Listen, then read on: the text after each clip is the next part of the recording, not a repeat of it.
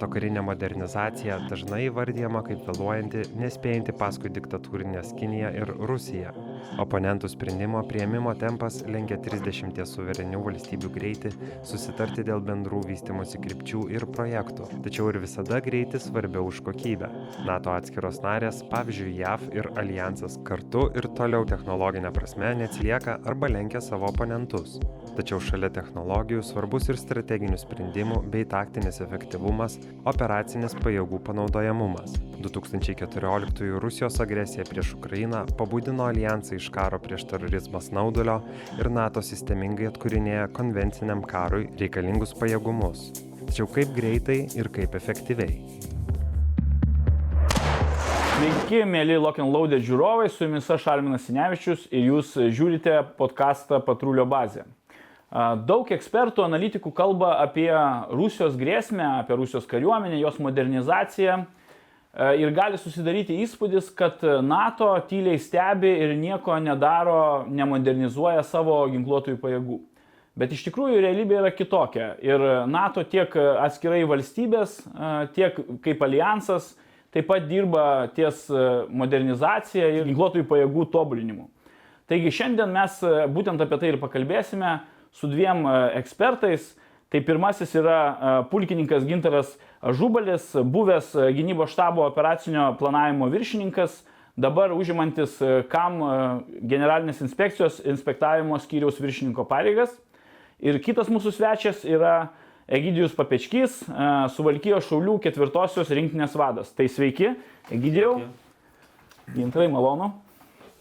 Tai ir pradėkime nuo, nuo modernizacijos. Ar galima kalbėti apie vieningą NATO e, karinę, karinę modernizaciją? Kalbant apie na, doktrinas, galimybės, įrangą, taktinius veiksmus. Galbūt gintarai jūs tada pradėkit. Jo, jūs labai gerai, gerai, labai gerai apibrėžėt, būtent, jeigu, nes jeigu žiūrėti terminą kaip modernizacija, tai jisai ko gero skamba kaip tik tai toksai techninis dalykas, kaip privirinti kablius ant šaro kupriniam pakabinti ar kastuvui prisekti, kaip BMS kokią geresnį užsidėti ar optiką, taip toliau, taip toliau, labai techniškai. Bet labai teisingai paminėjot, kad tai yra visas didelis procesas. NATO paprastai jisai vadinamas capability develop, uh, development arba uh, pajėgumų vystimas. Ir, ir tai yra didžiulė sistema. NATO tuo ir pasižymė, kad tai ne tik galingas alijansas, galingiausias karinis alijansas pasaulyje, bet kad jisai turi uh, labai sudėtingas sistemas, sudėtingas valdymo sistemas, procesus. Visi dalykai absoliučiai aprašyti. Yra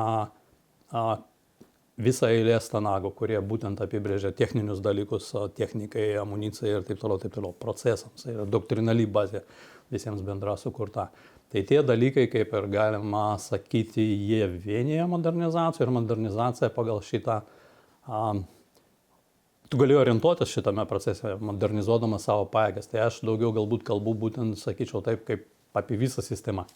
Nes tu negali modernizuoti, jeigu tu modernizuoji tanką, sakykime, tai, tai ne tik, kad tu geresnį vamzdį susidedi, šarvas turesnį ar, ar, ar optikas ir valdymo sistemas, bet tau reikia ir doktrinas peržiūrėti, tau reikia ir infrastruktūrą modernizuoti, tau reikia daugelį, daugelį procesų aprašyti. Ir galų gale NATO yra tas, jau kaip minėjau, pats svarbiausias dalykas, tai yra būtent pajėgumų vystimas kaip tokios. Čia šalis turi netgi ir tam tikrą atsakomybę irgi. Kiekviena šalis gauna tam tikrus tikslus, na, kurie galbūt kartais netgi netitinka šalies požiūrį tam tikrus dalykus. Na, kaip pavyzdys paminėkim, kad mes kažkada buvom įpareigoti sukurti vandens valymo vienetą. Kam reikalingas vandens valymo vienetas Lietuvai. Vandens turim belė kur pasisent su kataliuku, su poduku ir gali jį gerti. Kažkada Pakistane, man atrodo, buvo dislokuoti mūsų kariai. Būtent. Tai, bet, tas, bet tokio pajėgumo ganėtinai įdomaus ir atrodo būtinio, jo labai truko. 20 metų vykdintas tarptautinės operacijas, ne, nepaslaptis, kad tai nebuvo konvencinės, mes kovojom su terorizmu visi kartu buvo eilė humanitarinio operacijų ir būtent Pakistane. Ir tai ne viena vieta, tas, kur, kur tas vienetas buvo labai reikalingas, išvyko, atliko misiją, kurie, kaip sakant, labai pasižymėjo. Jisai taip pat buvo ir Afganistane su mumis 20 metų, Čekčerane. ir daugeliu kitų vietų važiavo. Tai jau čia kaip, kaip toksai pavyzdys. Tai nebūtinai tik tai vystimas a, mechanizuotų dalinių, šarvuotų, ten oro gynybos, dar kažką, dar kažką, bet yra tam tikri specifiniai, kur tu turi tam tikras pareigas. Šalis gali dėrėtis, jo derasi, tai yra ganėtinai sunku, nes čia susikerta visą eilę interesų. Ir tas, kai kalbam apie modernizavimą, taip, tai nėra lengva, tai nėra labai jau taip uh, simple, labai lengvai eina. Kiekviena šalis, turim suprasti, jinai nepaisant to yra suvereni. Jinai turi aibę savo interesų, jinai turi savo ka- karo pramonę, jinai kažką gamina, taip toliau, taip toliau. Ir todėl, nepaisant netgi tų pačių turimų stanagų, pavyzdžiui, mes iki šiol nėra taip lengva susikalbėti radijom, kurios iš, iš, iš išvaizdos atrodo visus vienodos, bet kai mes pradedam operuoti, norim susišnekėti, nėra taip jau lengva. Aš niekada nepamiršiu, pa- pulkininkai, kur jūs paminėjote, kai buvo pratybos, e, irgi tarptautinės Lietuvoje ir dar Algirdą tarnavau ir tada atėjo generolas amerikiečių ir dabartinis brigados vadas pulkininkas Mindaugas Petkevičius iškėlė tą klausimą, kad stotis su kryptais, su raktais jos tarpusai labai sunkiai bendrauja ir ten reikia irgi daug, daug va, to standartizavimo. Tai mano klausimas, o tai yra standartizacijos departamentas kažkoks, aš esu girdėjęs, NATO, e, kuris va tos tanagus leidžia. Taip. Tai tai yra vienintelė, na, vienintelis būdas, kuris e, užtikrina e, įvairių valstybių kariuomenių, na, tokius tam tikrus nubrėžė standartus. Nes, pavyzdžiui, Rusijai, nu, tai jai žymiai lengviau yra modernizuoti, nes tu viena valstybė, esi, vienos ginkluotosios pajėgos, pas mus vėlgi yra sudėtingiau. Taip, tu vėlgi sakau, čia yra galbūt, kaip daugelis ir sako, yra demokratijos tas privalumas ir minusas didelis. Visi yra, jūs palėtėt būtent, kodėl tos radijos. Radijos jos, jeigu tu kalbėt a- atvirai, nėra didelės problemas. Tos dažnius duoda, žinai, kuriam dažnai sėdi ir tu, jeigu tu pereini, kai tik tai mes einam į slaptus dalykus, čia yra netaip lengva. Kiekviena šalis turi tam tikrų savo ir technologijų, niuansų, kurių nenori galbūt atverti. Netgi ir sąjungininkam, ne? Taip, taip, tai yra natūralu. Nu, ką gali žinoti, sąjungininkas nusipirko rusiškų sistemų visą eilę. Taip, ne? taip, Nu, tai taip. ta prasme čia tokie dalykai, jie, jie nė- nėra labai lengvi ir nėra, nėra čia viskas taip rožiniam spalvom nupiešta. Kartais net šaudmenis taip patys atrodo, tie patys šaudmenis, bet tu taip paprastai iš Panzergaubicos a, 155 pasiėmęs pas čia, kad taip nepašaudęs, gali vamzdį su, su nors jisai 155, ne? Kalibras kaip ir atitinka. Jo, jo, jo. Tai čia, čia, čia yra tų niuansų, bet uh, maksimaliai šalės uh, šiaip jau turėtų ir jos tikrai stengiasi, jos tikrai labai daug deda pastangų atsižvelgti į tos tanagus, taip vadinamus, ir, ir jų yra tūkstančių, tūkstančiai. Vairiausiams dalykams, apie kuriuos uh, net nežinau, aš, aš pats uh, net tikriausiai dabar kas, ko- kokie ištrauktų ir net ne, ne, negalėčiau suprasti, apie ką tai yra kalba, bet o tokie dalykai, tiesiog sakau, ant kiek tas yra sudėtinga viskas, ar ant kiek tas na, sudėliota, bet, na, nepaisant to turime ir tokių, kaip sakant, realių problemų, su kuriuom tenka kovoti kiekvieną dieną. Mhm. Bet čia dar irgi, tamsta klausimas, kiek realybėje, va tarkim, rumūnas, rumūn, rumūnų kokia nors kuopa, arba ten, nežinau, norvegų, ten koks snaiperių būrys ar kas nors, kiek jie iš tikrųjų iki jų nusileidžia, žinot, ten nuo pat aukščiausio ligmens strateginio, kiek tas tonagas, nusi... čia va irgi Turi toks... nusileisti ir nusileidžia. Aišku, kiek, kiek kaip Tai to yra kareivių snaiperių, kaip jūs sakėte, jisai nueina, tai, tai aišku klausimas, galbūt nebūtinai iki jo turėtų eiti taip žemai, bet pas mus yra ministerijoje irgi yra tas standartizavimo skyrius, kuris priim, kiekviena šalis visų pirma gauna kiekvieną naujai iškiptą ir tiesą sakant, jie tie NATO popierėjai neatsiranda a, šiaip savo. Kažkas paėmė žubalis ar papičkis savo parašė, pagalvojo, čia labai fain ir, ir padavė visi pasirašė. Ne, čia tas pats kaip Europos Sąjungoje, kaip NATO viskas. Turi būti viskas agryt, turi būti sutarta visų 30. Ir kiekvienas tas popierės, jisai eina tą, to taip vadinamą skrutinizinimą, iki paskutinio taško kovojama už kiekvieną kablį už kiekvieną taškelį, žodį ir panašiai, panašiai, kol, kol yra sutariama. Ir kai yra sutariama, jisai yra padedamas, išsiunčiamas šalims ir šalės tada priiminėja tos tanagos, jos turi priimti arba nepriimti, atmes, bet dažniausiai tai yra priimama ir priimama irgi ten dvie- dviejais būdais, kaip ir Lietuvoje. Vienus dalykus mes galbūt netgi verčiam po žodžiui, tokių būna labai mažai, o kitus tiesiog taip vadinamas yra viršelio viršelio principų. Tiesiog mes įmam jį perskim, pasižiūrim, viskas yra čia mums ok. Ir tiesiog angliškai ta ministras tiesiog jį patvirtina kaip ir Lietuvai tą būtiną tinkamą stanagą ir viskas įsigalioja. Ir tas dalykas eina iki ten, kur kiek jam reikia. Iki oro gynybos, ten, nežinau, būrio skyrius ir panašiai ir panašiai. savaime suprantama, na ne visus, ne visur tai paliečia, ypač taktiniam lygmenė, tai daugiau yra strateginiam, techniniam dalykams, sakykime, tokiam kariniam, operaciniam ir taip toliau. Tie patys visi AGPs, taip vadinami, visa ta doktrinali bazė mūsų, kurią mes naudojame, kad ir žvalgybos doktrina, jinai yra sutarta, čia irgi yra ta doktrininis dokumentas, kuriuo mes vadovavomės ir taip toliau, taip toliau, operaciniai dokumentai, planavimo, milžiniška Biblija, Biblija, kurią mes, kaip sakant, iškalam ir tai yra tas, kas pas mus kiekvieną dieną ant stalo ir viskas eina atitinkamai su to. Ir, ir, ir, ir taktiniam ligmenėje žmonės irgi net būry planuoja vis tiek atitinkamai su to, ten neiškrypsi tos penkias raidas irgi, sakykime, įsakymo rašymą jos ir Rumuninas žino, ir dabar jau Montenegro karys ir panašiai, panašiai. Ne. Egidijau, jūs kaip nesate vat, insideris, nesate kariuomenės dalis, bet jūs daug dirbate su kariuomenė, daug pats domitės. Kaip jūs e, apibrieštumėte tą NATO karinę modernizaciją, e, na, bendrai tą visą mechanizmą? Ir, ir vėlgi, ar tikrai yra taip, kad, na, e, visos valstybės, suverenios valstybės, jos, nu, to lygiai eina ir modernizuoja savo kariuomenės?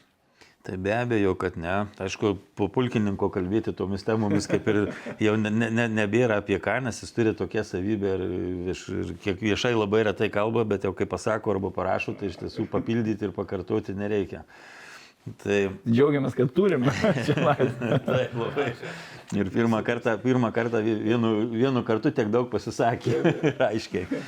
Tai iš tiesų aš tai truputėlį istoriją norėčiau pažiūrėti mm. NATO, kadangi mane labai domina šaltojo karo istorija, aš ją tyrinėju ir ta visa, visi šitie klausimai, kuriuos mes sprendžiam šiandien, atrodo, jie tarytum, vat, kažkas naujo. Tai, bet jie visą laiką tęsiasi per visą NATO istoriją, kažkas pergyvena, kad kažkur trūksta standartizacijos, visą laiką atsiliekam nuo rusų, ypač amerikiečiai mėgsta tą, tą daryti ir ne todėl, kad labai bijosi arba nežino padėties, o todėl, kad jeigu tu nori gauti truputėlį daugiau finansavimų kažkam, tai reikia atkreipti dėmesį į problemą. Atkreipti dėmesį į problemą reikia truputį sutirštinti spalvas kartais, kad žiniasklaida, kiti susidomėtų.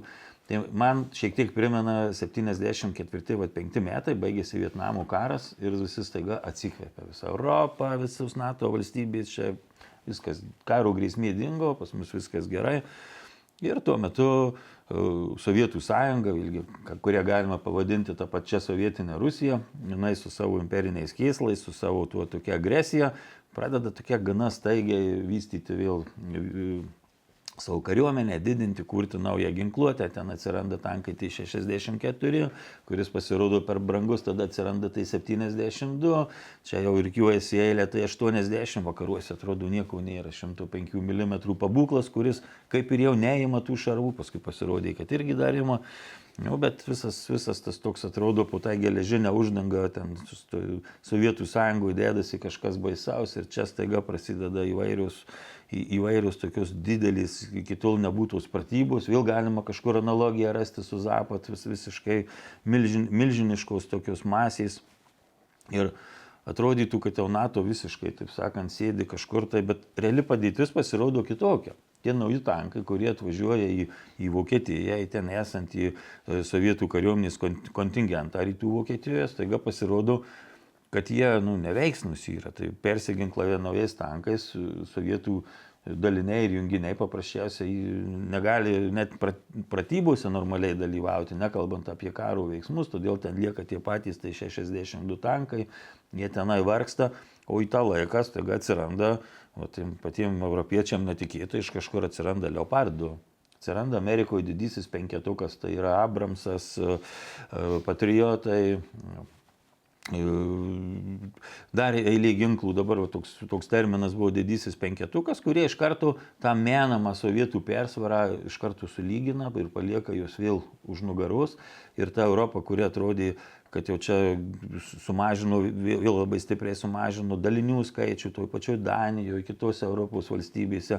Ir jau atrodo kaip ir viskas, taiga pasirodo, kad labai stipriai persiginklavo, išmetė tais 105 mm gaubicas pastatys sandėliuose, kurias turim šiandien, jis greitai persiginklavo į 155 mm pabūklus, tai yra kilstelėjo dar tokių laiptelių aukščiau,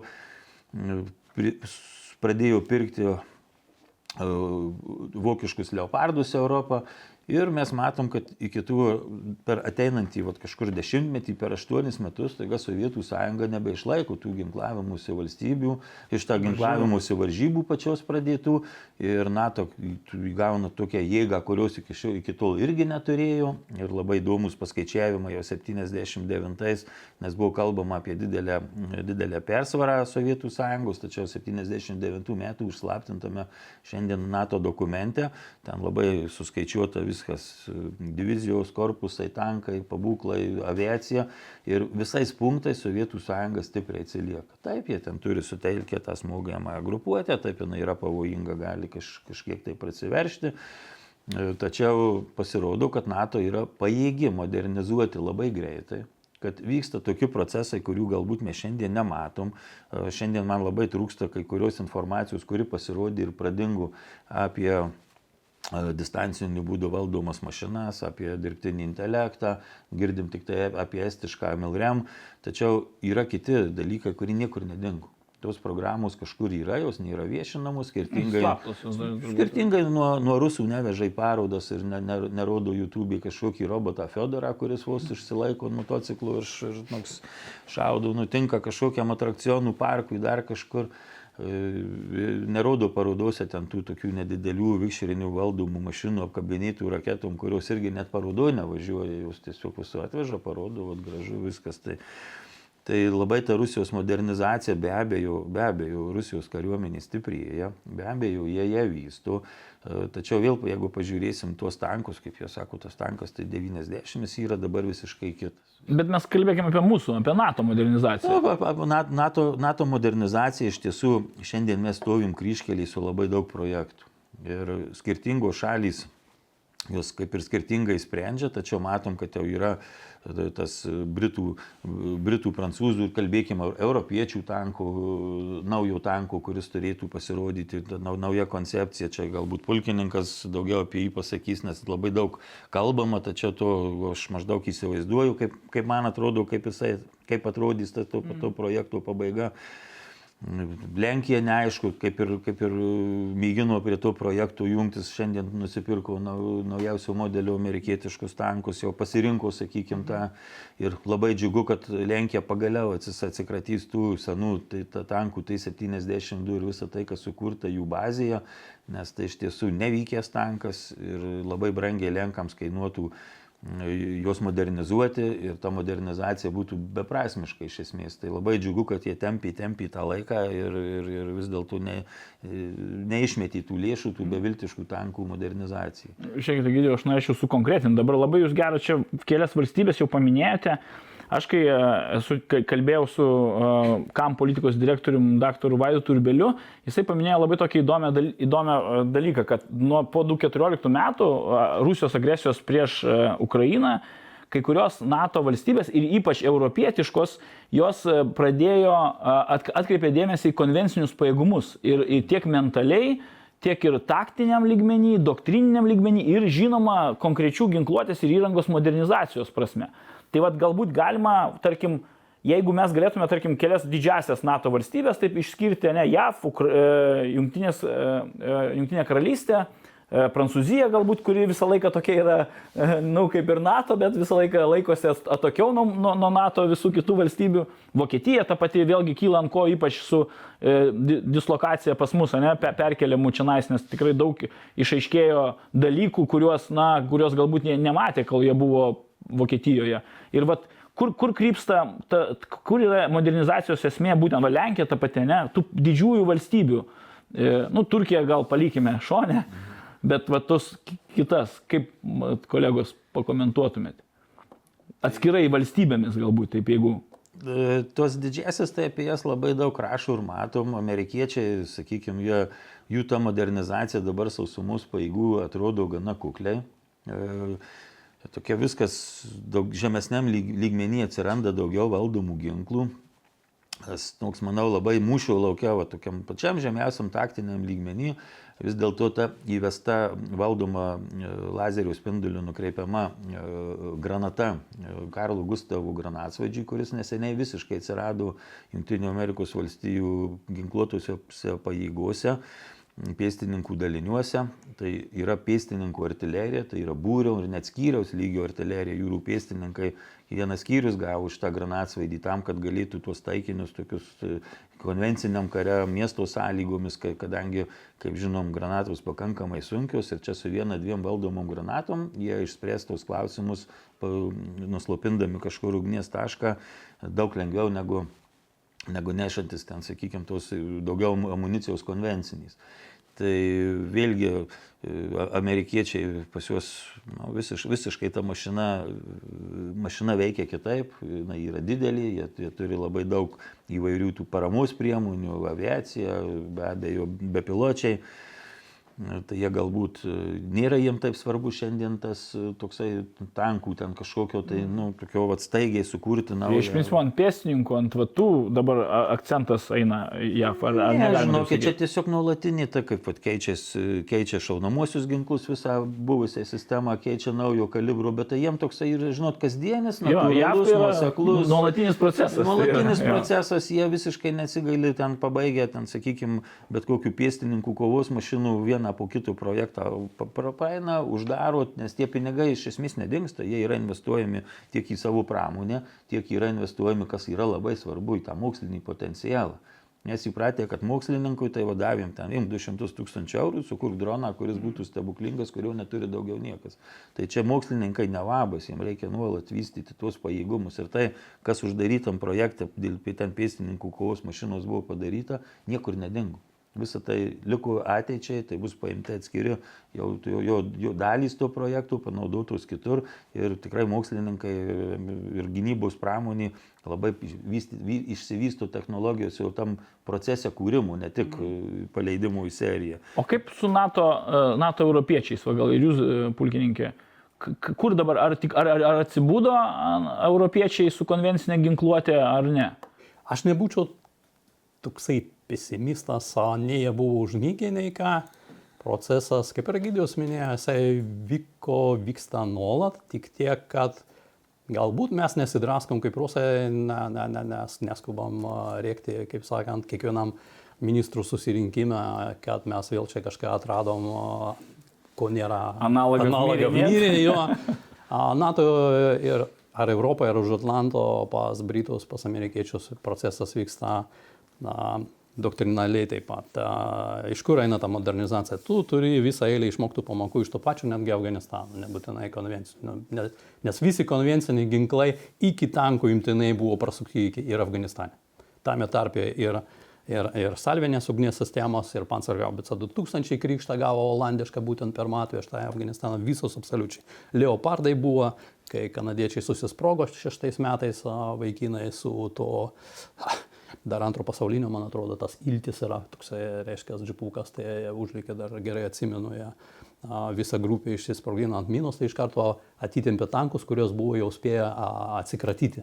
Iš karto vėlgi išsilizingavo iš Olandų, kurie tuo metu visam pasauliu viską lizingavo. Vėlgi NATO buvo tiesiog, galbūt čia istorija biškai irgi reikia nuėti, aš prisidėsiu prie gydijos tik tai iš NATO pusės. NATO, kai kolapsas įvyko Tarybų sąjungos, mes visi, kaip sakant, irgi Lietuva tame tarpe irgi mes irgi buvom sukūrę Žemaitys brigadą, po to vėl greitai suviniojom, dabar vėl ją atkūrėm ir netgi sakom, kad mes kažką naujo sukūrėm, mm. pamiršom, kad jinai buvo. Bet būtent dėl to, kad visi a, šventai tikėjo iš tikrųjų nuoširdžiai matomai, kad Rusija jau eis kitų kelių, demokratizuosios į tą, tos konvencinės a, grėsmės jos išnyko. Kinė irgi buvo po lapų dar. Ir, ir visi, kaip sakant, metėmės ieškoti savo kitų užduočių, jos čia atsirado dėka teroristų ir panašiai, ir nuėjome į tą nekonvencinį, tą, tą koiną, taip vadinamą, counterinsurgency operations. Ir, ir, ir štai taip, ir tas, kaip sakant, procesas, kaip ir jisai nebuvo matoma, bet iš tikrųjų jau tuo metu vokiečiai, pavyzdžiui, ir jeigu vat, pasakėt apie Europą, daugiau pakalbėti, Gydijus daug maž Ameriką padengė, tai būtent Europai tuo metu, ir aš labai gerai prisimenu, kadangi aš ir ten mokiausi, ir, ir studijavau Bundeswehr, ir, ir, ir tarnavau, tai būtent tuo metu vyko visa eilė didžiulių projektų. Bokseris ėjo prie pabaigos, Haubitsa irgi 2000-aisiais gimė man ant akių.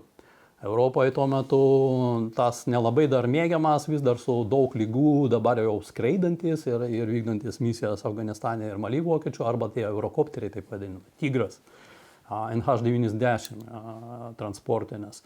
Visi šitie projektai, jie atsirado. Dabar vėl žiūrėkam, A320, A400, irgi jisai ten su didžiuliais skausmais, buvo net nelaimė Ispanijoje, jisai griuvo danguje po, po, ne po pirmo bandymo, bet po kai Ispanija jau pasiėmė lėktuvą savo. Daug, kelios šalis susimetė ir, ir vystė būtent tą, kad nebūtų priklausomi nuo amerikietiško globmasterių, 17 ir taip toliau tų didžiųjų oro transporterių. Jos nuėjo eilinį, kaip sakant, projektą bendrai susimetė tame tarpe ir Britai ir, ir, ir, pradėjo kurti šitą A400 transporterį, kuris iš tikrųjų yra įspūdingas, tai jau net C130 arkliukas, kurį mes visi naudojam operacijose, bet tas, kur dabar jau Afganistane pagaliau visai visų šalių absoliučiai buvo naudotas - ispanų, prancūzų, vokiečių, na, reiškia, jau gavo tos žmonės iš Afganistano vertėjus ir panašiai. Tai vat, kaip tas projektas. Tai ta prasme, ramiai, solidžiai procesai vyko. Vėlgi, Leopardas.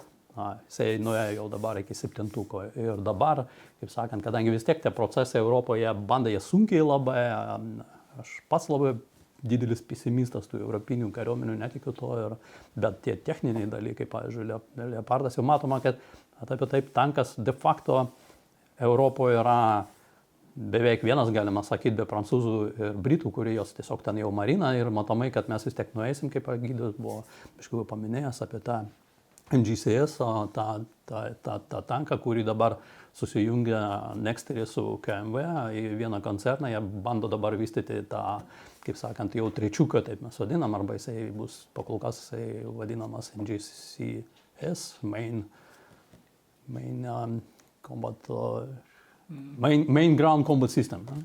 net neturi to pavadinimo, bet kažkoks konceptas, aš irgi detalę tų visų nežinau, žinau, kad susijungia būtent Leclerco gamintojai, Leopardo gamintojai ir jie bando kažką tokio išrasti. Ir aš šventai tikiu, kad jie anksčiau ar vėliau pagamins tą produktą. Kaip, ten, kaip sakant, kaip jisai įeis į rinką ar ne, ar visi vėl išsipigiosim po savo akimus, nežinau. Uh, nedrįstų prognozuoti. Britai irgi čia jau buvo pareiškę bent jau kažką tai, kad jie galimai irgi jungsis, irgi nežinau, kaip sakant, jiems tas ego kaip tankų būtent tėvinės, kaip ir futbolo, ne, leis jungtis prie to ar ne, kol kas jie, kaip sakant, pagarsino, kad jie modernizuoja savo challengerius iki trečio to lygio, sakykime, taip pavadinkime, ten kodifikuotą, ne, turim dabar challenger antrą, dabar bus trečias. Tai va, tai tie procesai visą laiką vyksta. Matom, kad šarvuočiuose irgi yra jau absoliučiai nauja versija CV90, yra jau ir, ir linksas Rheinmetalo gaminamas, yra jau ir, ir, ir eksploatuojamas ir įvydamas reikiuoti vokiečių Puma ir visą eilę projektų. Dabar aš, gerbimi pašnekovai, aš paprovokuosiu, žinai, nes mano vedėjo tokia yra vaidmuo. O kaip iš tikrųjų yra su tankais? Mm, ar visgi vakarų kariavimo kultūroje jie, jų svarba nemažėja? Nes, žiūrėkit, Kalnų Karabacho konfliktas parodė, kai, kai būtent bairaktarai Azerbai, Azerų daužė armėnų tankus e, plinam laukia ir, žinokit, prasmės kaip ir, nu, nebuvo. Marinai, man atrodo, net atsisako tankų savo ginkluotėje. Tai ar, ar tanko svarba nemažėja vakarų kultūroje karybos? Matau, kad tikrai provokuojat. Tiesiog pat, pats to net iš akių veido išraškos, manau, kad pats to netikėt. Na, tai žinot, pasakyčiau vieną žodį, bet jie tyri galbūt nesakysiu, iš, iš, iš kur tas eina, ne, nesąmonė. Aš pasakysiu labai paprastai, kol, kol egzistuoja mūšis žemėje, sausumoje ant žemės, tol tankas buvo, jisai yra, jisai buvo ir bus. Ir, ir niekas jo neištums, jokie bairaktarai, jokie niekas. Nes Bairaktaras žemės neišlaikys. Ne viena sistema, ne viena artilerinė sistema neišlaikys. Žemę reikia dar užimti, reikia va, paprastų pėstininkų, šaulių, savanorių.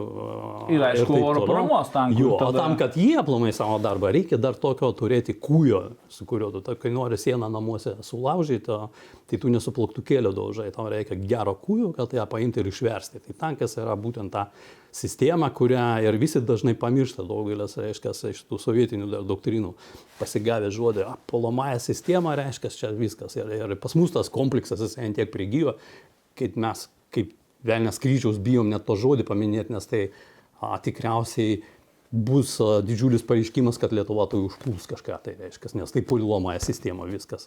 Ne, tankas visų pirma yra dar paramos sistema. Tai yra tas, kas pas brigados vadą, bataliono vadą yra tiesiog jo rankose, jam nereikia prašyti nei euro paramos, kurios tu beveik niekada negausi, nes jie ten bus kažkur užsijėmę, jam reikia kūro papildyti, jam reikia oro gero galų galę sulaukti, nei artilerijos tu irgi, nes artilerija irgi turi tam tikrus prioritetus, jos nėra per daug ir tu irgi jos, ir jo labiau artilerija šauda dar, kaip sakant, į plotą ir, ir, ir frontą ir taip toliau netiesiogiai. O čia yra tai, kad tu turi 120 mm kai dabar svidinys paskutinis yra išvystytas Rheinmetalo ant tiek, kad tu gali pasirinkti opcijų, jau tie pestininkai, kaip be būtų įsikasi, tu gali juos triuškinti kaip, kaip nežinau ką, kaip pelės ten apsikasusius, nes iš viršaus jisai kala. E, yra ta sistema, kur tu tiesiai matai, tu, tu, tu, tu žudai taikinus. Jo, tu išvirti belę ką, belę kokį bunkerį, Tai būtent tankai irgi naikina visus šarvuotos. Tankas, aišku, daugiau skirtas kovoti irgi prieš tankus. Nėra nieko geresnio prieš tankinio ginklo, kaip pats tankas. Jo, bet kai tau reikia tos, sakykime, irgi būtent paramos tavo rankose čia ir dabar pat, jo labiau nepamirškim, kad tas 60-70 tonų monstras, jisai juda raižyto, vėliau kokioje vietovėje, jo niekas nestabdo. Jisai juda 60 km atlyst per valandą, tai, na, kas ot, jūs būnat pabradį, jo, tai žinot ir, ir žmonės, suaugi žmonės kelnes prikrauna, kada 60 tonų ant tavęs eina ir patikėkit manimi, tai vien to užtenka. Jo, jisai todėl ir buvo, jisai tankas buvo Kosove, kažkada rašiau labai seniai, visi pamiršta labai daugelį nuostabių dalykų, kuriuo tankistai padarė. Jisai buvo Kosove, patruliavo su mėlynais net šiturėliais ant bokšto ir, ir ten nereikėjo daug kalbų. Visos tos demonstracijos labai greitai išnykdavo visokios provokacijos, kai tik tai jisai pasirodydavo kartu su vaikinais, kurie ten su skideliais, reiškia, plastikiniais buvo. Jisai irgi, sakau, vat, buvo, reiškia, atvežtas ir kanadiečių, vėliau ir danų, ir olandų buvo iš karto prisimintas atgal. aš įgydau, jau tokį susidarėm, jau aš matau, kad jūs esate tankų mylėtojas. Bet Egidėjau, kaip, kaip va jūs vertintumėte? Ar jūs pritarėt pulkininkui, ar visgi ta svarba, nes su, su Britais, va, kaip ką paminėjo Britai, kad irgi planuoja prie, va, prisidėti prie e, Leopardų ir, ir šitų Leclercų, net mais gamyklos, bet aš girdėjau irgi vieną ausim, kad Britai gal svarsto irgi ten su tais tankais, gal net neprisidėti ir, ir juos kaip ir per daug jos dėmesio nekreipti, na, nemodernizuoti jų. Kaip jūs tai, manote? Pirmiausia, tai tankus jau nurašinėja nuo pat jų atsiradimų. Tai baigėsi vienas karas, juos nurašė į lytinę, geri netokį.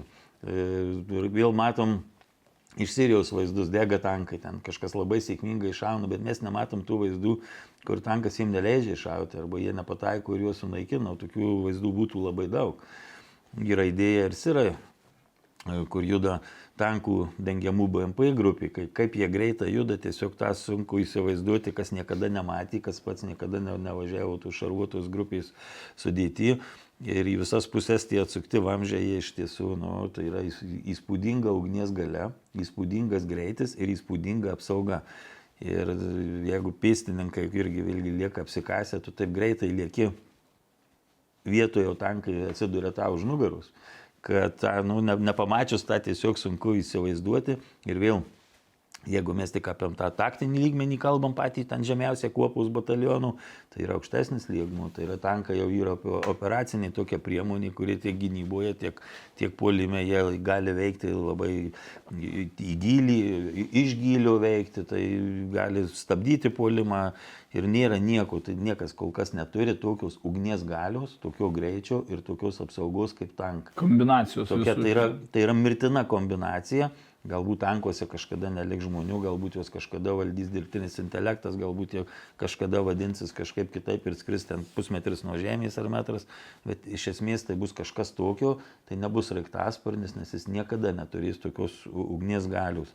Ir manau, kad tai viena tokį, kas buvo paminėta ir, ir vėlgi, kaip sakiau, dingo, tai yra toks dalykas kaip tankas arba šarvuota mašina, kuri galbūt valdys e, keletą tų vėlgi tokių priemonių, kuriuos mes šiandien pavadintume tankais, su tankų ugnies gale, tankų apsauga ir mobilumu. Ir tas NATO kariuomenys apie tai ne, ne tik atsiniai kalbama ir gynybos pramonė, bet tai vykdomi konkretūs darbai. Tai pirmiausia, turbūt netų bepiločių ant žemės išvysim laisvai judančių kažkokia tokia vat, ordas, bet turbūt išvysim tokią mums gana įprastą reikiuotę, kurioje vienas ten tankas, sakykime, valdys tris likusius būrio tankus distanciniu būdu kažkada, tai tikrai tas, tas įvyks, kaip greitai aš negalėčiau pasakyti. Kaip greitai vystysis dirbtinis intelektas, turbūt. Greitai vystysis dirbtinis intelektas. Dabar jūrų pėstininkai, jie veiks visiškai kitame karo veiksmų teatre, jie niekada neveikė Europoje, jie ir Europoje dabar pagal visas pratybas matosi, kad yra tik tai Šiaurė, Norvegija, Islandija, e, tuo jų atsakomybės rajonas kaip ir baigėsi, nepaisant to, kad jie kartais čia pasirodo ir pas mus pratybose, o tam kovos veiksmų teatre bus svarbiausia, kaip į tenai nugabenti techniką žmonės ir, ir užtikrinti logistiką. Tankai logistinė prasme yra košmaras, todėl kad suvalgo labai daug E, suvalgo labai daug resursų. Jūrų pėstininkai jau gerą 20-metį eksperimentuoja ir tikrai turi didelių, daug, daug labai pasiekę eksperimentuodami su bepiločiais, kurie jiems sumažintų tą logistinį poreikį. Ir buvo jau seniai tokie planai kad apie 2010 buvo ypatingai sėkmingi, kad priskirti kuopai bepiločius, kurie jiem tą suteiktų papildomą ugnies galę. Vėlgi jie turi sraigtasparnius, jie turi aviaciją ir, ir tenai tuose saluose, tuose Azijos kažkur galbūt pakrantėse, apaugusiuose į, į, į, įvairia augmenija, kur tankai, į, į, tankam judėti sudėtinga, jūrų pėstininkai, manau, kad naudos kitas ugnies priemonės Plus jie visada, kada reikia, jie visada minimalų tą kiekį, minimaliai reikalingą tankų kiekį jie gauna iš sausumos pajėgų. Todėl, kad tai yra bendra valstybė, nesvarbu, kad jūrų pėsininkų korpusas yra atskiras, tas, tas visas labai daug iš tiesų ir tas jų bendradarbiavimas ir dabar sausumos pajėgų tankų, sakykime, ir, ir, ir, ir kitos, kitų su jūrų pėstininkais yra labai didelis ir ta integracija. Gerai, ačiū labai. Tai Prašau. Aš vis tiek negaliu nunyti, dar, dar a, noriu pabaigti priminti vieną taip, dalyką. Taip. Ta, ta grėsmė, sakykime, tai tie vaizdai, kuriuos a, gerai pradėjot, bet aš kažkaip nieko nepasakiau apie tai. Vaizdai, kur a, dronai naikina tankus, a, vaizdai iš Turkijos buvo, kur turkai irgi visus šokiravo, kur ketvirtukus a, tiesiog dešimtimis tenais a, matėm degančius, išsprogdintus ir panašiai. Bet dauguma taip ir žiūri labai primityviai. Va, kažkas tai dega, ten irgi azirbaniečiai ten, reiškia, irgi čia atėmė netgi ten tos tankus atiminėje, jau ne tai, kad ten iš oro. Niekas nežiūri iš tikrųjų, kasgi ten iš tikrųjų vyko. Kaip. Irgi netgi rašiau apie tos turkiškus, kas ten buvo. Nu tai ten, žinot kaip, ten buvo grinas, būtent tankistų apsileidimas, buvo tiesiog įgulos kažkokių kvailių ir tankai dauguma buvo arba apleisti, arba be priedangos, nu, tas, kuris ten degė ten kažkur tarp dviejų a, molinių namų, kur reiškia, nu, tai visiškai aiškiai matoma, kad tiesiog buvo paliktas šarvas, reiškia, plykas stovėti, jie matomai arbatą šalia namų gėrė, tuo metu ramiai jos ištaškė ir taip toliau. Taip patys dronai irgi iš viršaus jie nedož. Vėlgi, kas yra labai gerai, Egidijus dabar buvo užsiminęs trupučiu, kad dronas, kas yra dronas? Dronas yra tas pats orlavis ir visi pamiršta apie tai. Kas buvo prieš droną ir yra vis dar. Ir kas iš tikrųjų yra baisiausia tankam yra, yra koviniai sraigtasparniai. Na, tas tai vadinamas Mi-24, pas mus, pas natiečius yra reiškia, apačiai ir taip toliau. Dar ir AH tiegi. AH, ja, būtent, jo, jo, čia yra baisus dalykas. Jo, ir, bet visi, jie priklausomi nuo oro, elementariai. Netgi tam pačiam Azerbaidžianė, reiškia, atsiprašau, Karabachė, kur buvo naikinami, tai irgi mažiausiai padengė kelias padangėlės, o susiprotėję žmonės ant žemės ir viskas, ir jis nieko negali ten nei ras, nei, nei šaudyti, nei nieko. Rūkas užėję ir viso gero ir panašiai. Ir yra tam tikrų problemų. Ir plus dar jau gal, galutinai, tai tos vaizdelės, kuriuos mes matom, tai yra tai, ką, ką mums nori parodyti, perteikti. Ne dronai Karabachė padarė visą pagrindinę reikalą, dronai tai tas pats kaip spėts pajėgos. Jie, jie, jie nebūtinai ten laimė mūšį, jie padaro tikrų didžiulį indėlį, bet ten artilerija ir niekas, bet prie, padarė, didžiausią darbą padarė būtent artilerija. Salvinės sistemos, tradicinės, reiškia, vamzdinės sistemos, Bet tu nei prie raketos pakolkas dėja, nei prie sviedinio PCH negali primontuoti kamerytės, kuri ten užeitų ir labai parodytų visiems erotišką vaizdą ant žemės, kaip ten pagavo, susprogdina labai ramiai ten, reiškia, ir, ir viskas labai gerai. Ginrai, jūs čia labai gerą irgi vat, palėtėt kampą, galvoju dabar, mm, kaip yra su, su NATO šalių ginkluočių e, stipriosiam ir silpnosiam pusėm. Ką galima būtų, vat, tankai mes jau, nu, kaip ir apsibrėžiam, kad tai yra pakankamai na, tikrai, kur, kur tikrai modernizuojam ir vystom ir to, to, to pajėgumo nepaleidžia NATO, ne? Bet vat salvinės sistemos, e, na, oro, sausumos, e, jūrų galbūt pajėgos, ten elektroninė kova, ne? Įrangoje, vat, kur, kur, jūs, kur jūs asmeniškai kiekvienas išskirtumėte tas stipresias ir silpnasias pusės? Ir, ir kokios galbūt tendencijos e, toliau, kur, kur, kur viskas eina? Aš iš karto pasakysiu taip, kad mūsų, sakykime, ta silpnoja pusė yra galbūt tam tikrų labai svarbių pajėgumų, aš tos tai paminėsiu, yra skaitlingumo, sakykime, kiekio trūkumas, kuris mums reikalingas. Egidijus irgi buvo paminėjęs ir istoriškai, kad ir rusai va tą ir išlaiko, ką, kur jie yra labai stiprus, tai masiškume.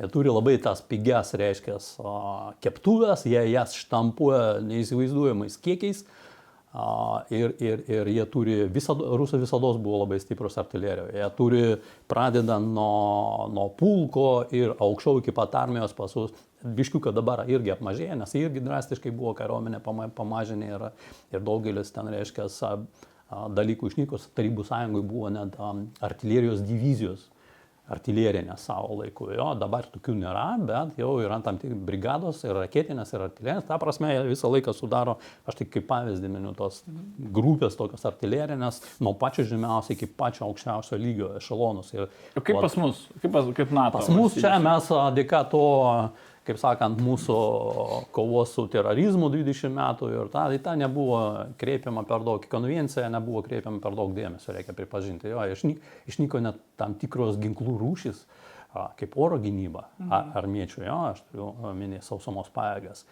visose šalise iki Amerikos imtinai. Todėl dabar amerikiečiai sparčiai ir reikia jiems, kaip visada, atiduoti pagarbą, jie jau nemažai padarė to darbo. Iš pradžių, aišku, atstatė labai greitai Hamerio bazėje, ten tos, kaip atitikmojo Renesanso, reiškia, sistemas dabar jau... Nestingia? Jau, ten geresnė raketa, ta pati raketa kaip dabar Renesanse, bet ant Hamerio faktiškai po 11 metų jos nepamiršau tą, tą, tą vardą, nesvarbu, mhm. nes jau seniai nemačiau jo.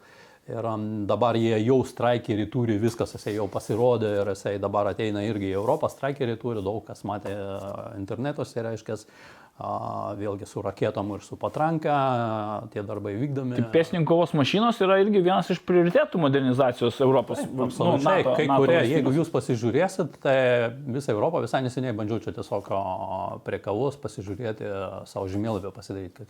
Jau sakiau, dauguma, Europoje didžiojo dauguma, maks, dauguma užima CV90. Ja? Tai vėl visi naujausia opcija įima. Jis labai paprasta, turi daug potencialo ir tie patys norvegai vėl dabar papildomai dar keliolika mašinų užsakė, jau yra modernizuota.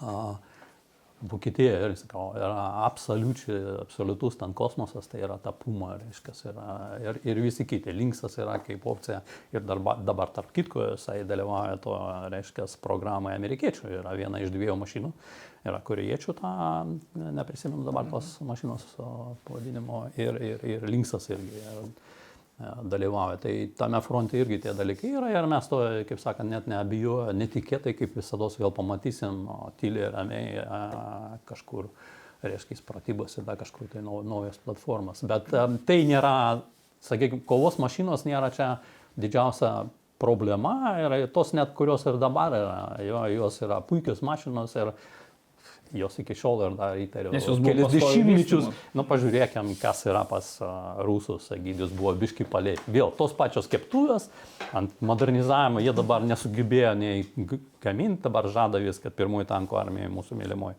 atsiras ten tas pirmos 20 armatų, aš apie tai rašiau, man atrodo. Pažiūrėsim, kaip jos ten važiuos. Tai, tai čia yra kažkas naujausia iš tikrųjų ir kelia tam tikrų galbūt negerų pojūčių. Jo, bet visa kita tai yra kas? Tai yra modernizacija, ačiū prancūzams už geras optikas arba geresnės, reiškia, ant savo šitų, reiškia, tankų, pavyzdžiui, kaip pavyzdys, ne, lygiai tas pats irgi valdymo sistemos irgi ant tankų ir, ir lygiai tas pats ant BMP, bet iš esmės tai liko lygiai tos pačios skardinės. Ja, ką jie gali, Kaliningradą dabar atvežė modernizuotų, tai 72B3M. BMP2 modernizuotus bando vežti tenais, trečiukas atsirado modernizuotas panašiai. Ja. Marinams bando ten dabar jiems sukurtą mašiną grinai jūrų pėstininkams atvežti. Tai va, tai tokie, ta, ta modernizacija tiesiog pakeliant jų vadovavimo valdymą, stebėjimą sistemų, kokybinį potencialą ir, ir, ir, ir tiek. Ja? Mhm.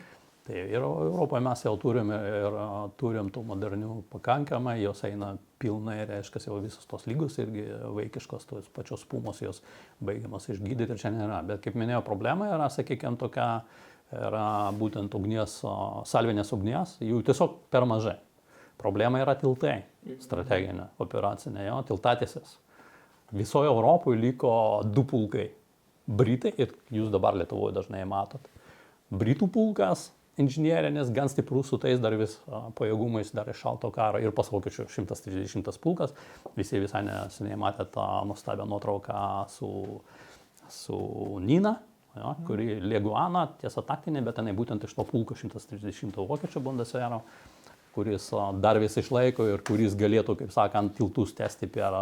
Čia tiek tankam, tiek pėsninkovos mašinom, kad galėtų judėti. Taip, taip, ta, na, visi puikiai suprantam, yra didžiulė grėsmė, nedaug dievė rimti karai, grėsmė iš karto kyla didelėms, didelėms upėms ir pagrindiniams tiltams, tiltams per kuriuos eis pastiprinimas per Lenkiją. Jo? Tai ten reiks keltis ir tas pratybas NATO jau darė irgi demonstravo savo pajėgumus. Darė ir čia Lietuvoje, irgi per Nemoną simboliškai su mažesniais trupučiuką, bet tie patys tiltai buvo permesti. Tai va tokie va dalykai, elektroninė kova, kuriuos... Prie Kulautovas, man atrodo, ar kur tai buvo. Exactly, ja, ja, ja, būtent prie Kulautovas buvo tas demonstruota. Tai, tai va, artilerija, reiškia... Galima, tam, galima sakyti, kad inžinieriniai pajėgumai biški buvo irgi apleisti, tie konvenciniai. Jie tokie, buvo ne? tiesiog išnaikinti.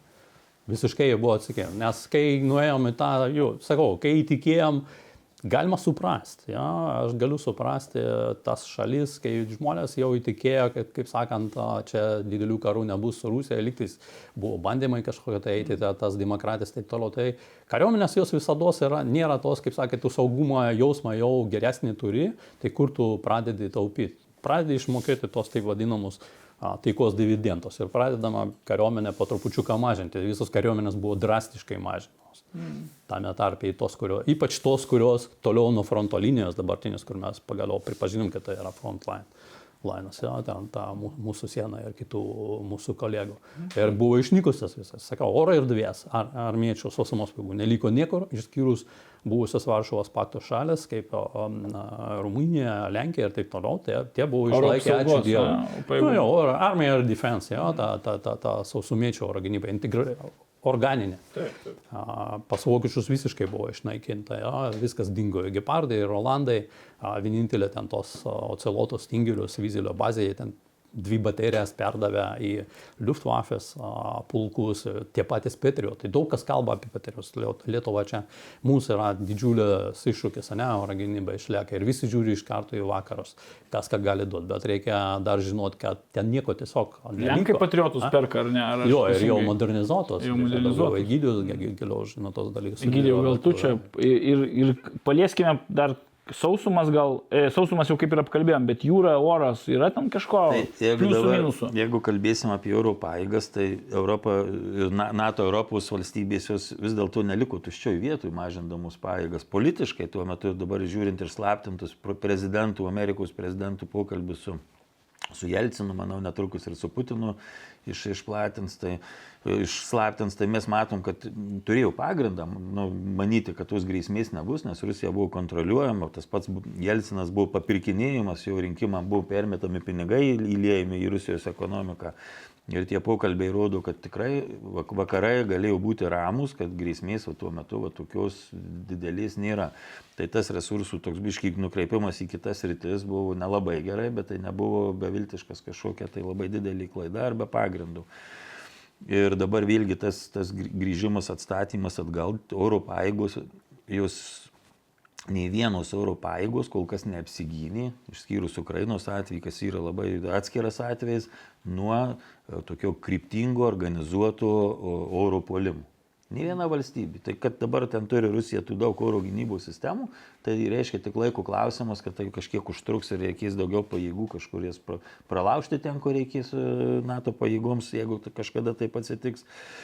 Ir tai nėra tokia didelė silpnybė, kada mes kalbam, kad nėra dar ir šiandien dienai tų oro gynybos priemonių, todėl kad mes vėl stovim tokioj kryškeliai, kur mums eiti, todėl kad turėtų būti kokybinis šuolis ir gynybos, oro gynybos rytyje, panaudojant lazerį, matom vis drąsesnius, drąsesnius žingsnius ir tai atpigintų pagaliau tą oro gynybos sistemą, nes tai yra labai brangus dalykas. Ir Šiandien aviacija, vėl mes dronus kalbam, tuos pačius Kalnų Karabachė, kurie atšaudė stovinčius 30 metų tuose pačiuose pozicijose tankus, kurie buvo naudojami. Čia jūs užsikabino už to mano pavyzdžio. Tiesiog kaip mobilus ir, ir tokie, va, tiesiog bunkeriai ant nu, viršų, dažniausiai nejudantis. Ir, ir, bet kurie sucementuodavo labai gynybą Armenijos kalnų Karabache. Ir mes turim tuos pavyzdžius, kada dronai visiškai beviltiškai pralaušinėjo tokio pačio dydžio dronai kaip Baraktarai, beviltiškai krito neligioj kovoje su, tiek su rusų naikintuvais MiG-29 2007-2008 metais e, Gruzijoje, dar prieš 8 dienų karą ir e, prieš e, rūpiučio karą. Ir, Ir e, lygiai taip pat amerikiečiai, tai jeigu jam papuldavo kažkoks dronas, yra vienas toks tikrai vat atvejis, atsimenu, jis absoliučiai lengvai eliminavo tą droną. Tai ta oro vis dėlto labai stipri karo aviacija NATO. Rusijos karo aviacija buvo silpna ir jinai dabar stiprėja, bet labai lytai stiprėja, nepaisant to, ką mes ten matom Sirijoje, kada e, tiesiog tuščia lauką gali bombarduoti nekliudomai. Vakaru, su, kare su vakarais, su NATO, tokio hipotetiniam kare nieko, nieko panašaus nebūtų. Todėl, kad galima šiandien dieną vis dėlto tikėtis, kad NATO karo aviacija viešpataus visiškai jau. Mes matėmgi pavyzdį e, Sirijoje, kur e, Wagnerio grupė visą sudaužė amerikiečių oro pajėgos, nu, iš principo, specukai, kurie kvietė oro, oro asetus. Tai tiesiog buvo tokia maža tos aviacijos grupė. Kuri... Tokia demonstracija galios, tokia mažytė išraiška ir, ir tą, tą visą gali NATO aviacija gali padaryti dideliais mastais, ne vienoje vietoje. Ir šiandien dienai Rusija neturi taip, ką, ką, kuo tam pasipriešinti. Išskyrus e, tą, vat, jų, jų šiandien tas pagrindiniai vienis yra neseni BMP2, ten tie konservai ant, ant vikšrų bet yra taktinis ir, ir, ir strateginis branduolinis ginklas. Tai yra vat, pagrindinis tas, kuo, kuo dar. Bet mes ne apie Rusiją, mes kalbėkime apie, apie mūsų pajėgas, apie NATO. K kur dar yra gerai jūrų pajėgos, povandeniniai laivai? Ar kokį. Man atrodo, kad čia irgi gal yra tai problemų arba vystymo. Ar gal jie jau irgi nereikalingi? Povandeniniai laivai, vėlgi, jie yra kaip strateginis faktorius, kaip taktinis faktorius, tai jie nėra ypatingai, ypatingai svarbus. Jūrose NATO taip pat, jūrose ir vandenynuose taip pat visiškai vyrauja. Ir aišku, dabar vėlgi tas resursų perskirstimas ir jis jau senokai eina į pietų Kinijos jūras, į, į Kinijos potencialios mhm. agresijos rajonus. Ten nukreiptos jūrų pajėgos, bet tiek Baltijos jūroje, kuri iš esmės yra tokia didelė vūne, kur ten Rus, Rusijos kariniam laivynui NATO vis, ten jie minuotų, judėtų, darytų, bet iš esmės tai, tai nebūtų kažkoks tai faktorius, kuris galėtų perversti visą karo eigą, hipotetinio karo Rusijos naudai. Kaip bežiūrėsi, NATO absoliučiai visose srityse yra stipresnė, NATO stiprėja, tai, ką mes kalbam trūkumus, tai nereiškia, kad ten pas mus visiškai skylė, tiesiog mums kažko trūksta. Taip, taip. Dabar kalbant apie e, elektroninės priemonės, apie elektroninę kovą, vėlgi rusai rodo, kaip jie viską gali, kaip jie ten tokiais pavieniais atvejais. Ir vėl aš tą prisimenu istoriją, vėl apie tai nuolat kalbam, kad kad vat rusai stiprina tas galimybės, jeigu pažiūrėtume senus amerikiečių manualus ar žurnalus e, sausumos pajėgų ar artilerijos ar, ar, ar tankų, kurie buvo leidžiami anksčiau, buvo daug tokių atviresni, nes nebūdavo prieinami visuomeniai. Tai ten irgi matom tą patį, kad vis atsiranda per pratybas, kad jau rusų mes jau įvertinam, kad gali rusai ten slopinti mūsų priemonės, gali aptikti mūsų. Gydiau, pakalbėk, įsivaizduokim, kad nėra Rusijos. Kokie yra, kokie šiandien... yra pavyzdžiui, NATO elektroninės kovos pajėgumai? Ar yra vysto, ar tai yra kaip prioritetas modernizacijai šiais laikais, ar, ar, ar visgi tiesiog savo, savo ritmu. Iš tiesų, aš prisipažinsiu, kad aš beveik nežinau, kas yra šiandien, bet aš labai gerai žinau, kas buvo 90-ais. Tai jeigu net tebėra tos sistemos, kada divizijose buvo batalionai, kada buvo atskiros radioelektroninės brigados Ir žinau, kad vėl mūsų partneriai amerikiečiai tą gali labai greitai, jeigu reikės, jie tuoj pat suformuos, paleis, pastatys ir, ir, ir visa tai bus. Tai irgi labai brangu ir išlaikyti, labai brangu tą ir, ir technika, ir žmonės, ir apmokymas. Bet tikrai vakarai yra pajėgus, jeigu reikia tokias priemonės pagaminti, sutelkti, suformuoti dalinius ir tokį pajėgumą per, per, per greitą laiką padaryti. Mes dabar taikos sąlygos, ta, sąlygom gyvenam ir viskas pas mus vyksta taip neskubant, nuosekliai, taup, nu, ne, ne, nešvaistant. Daug lėšų. diskusijų. Daug diskusijų. Daug bet, išgrininamų. Bet mes žinom, kad ir NATO vis dėlto turi milžinišką potencialą, tiek politinį tokį potencialą priimti ryštingus sprendimus atskiruose valstybėse, didesnėse visų pirma, tiek turi tą potencialą gamybinį ir mokslinį. Ir pasirodys, kad tos rusų priemonės, nes ne veltui negalim nekalbėti apie, apie, apie rusus, kadangi jie mus mato, kaip, kaip sakykime, ir jau šiandien tas aptilo, bet dar, bet dar vakar jie visą laiką... Bet amerikiečiam ne rusai dabar yra svarbiausia. Tai, Šiais laikais. Bet, nu, bet vėl mes... Jie taip- žiūri į Kiniją daugiau Bet čia toks truputėlį didėjančią. primityvus, kas svarbiausia amerikiečiam, todėl kad tai yra, jeigu kils grėsmė NATO čia Europoje iš Rusijos pusės, tai ir tada NATO prioritetai vis dėlto bus nukreipti, Be abejo, be abejo. nukreipti prieš Rusiją. Ir tos radiotechninės priemonės atsitiks taip, ko visą laiką sovietiniuose vadovėliuose visuose jie bijojo, ko apie ką visą laiką jų kariniuose žurnaluose rašė kad e, jiem teks veikti labai stipraus NATO šalių elektroninių poveikių e, Sąlygose. sąlygose. Ir, ir, ir šiandien jie tam nepasiruošę. Ir esu tikras, kad jeigu atsitiktų toks konvenciniai veiksmai, tai jie būtų nemaloniai nustebinti, sutikę radio tą tokį elektroninės vat, kovos priemonės iš, iš NATO pusių. Bet būtų, būtų labai smagu girdėti, kad mes jas investuojam, kad, kad tokių, tas pajėgumas stiprinamas, bet tai yra vienas pajėg, toks iš pajėgumo, apie kurį viešai nekalbame, bet aš esu tikras, kad, kad mes jį tikrai... Aha. Nu, tai jau- turim ir jautrus- esam, jautrus esam pajėgus išvystyti. O gerai, dabar vat, ap, kalbėkime apie tai, apie ką viešai kalbama. E, tipinė NATO valstybės mechanizuota brigada, jos sudėtis ir galimybės. Ką gali mūsų, na, kaip turbūt vienas iš tokių pagrindinių vienetų, na, operaciniam lygmenyje, ne? Kas, kas eina? Tankų būrys.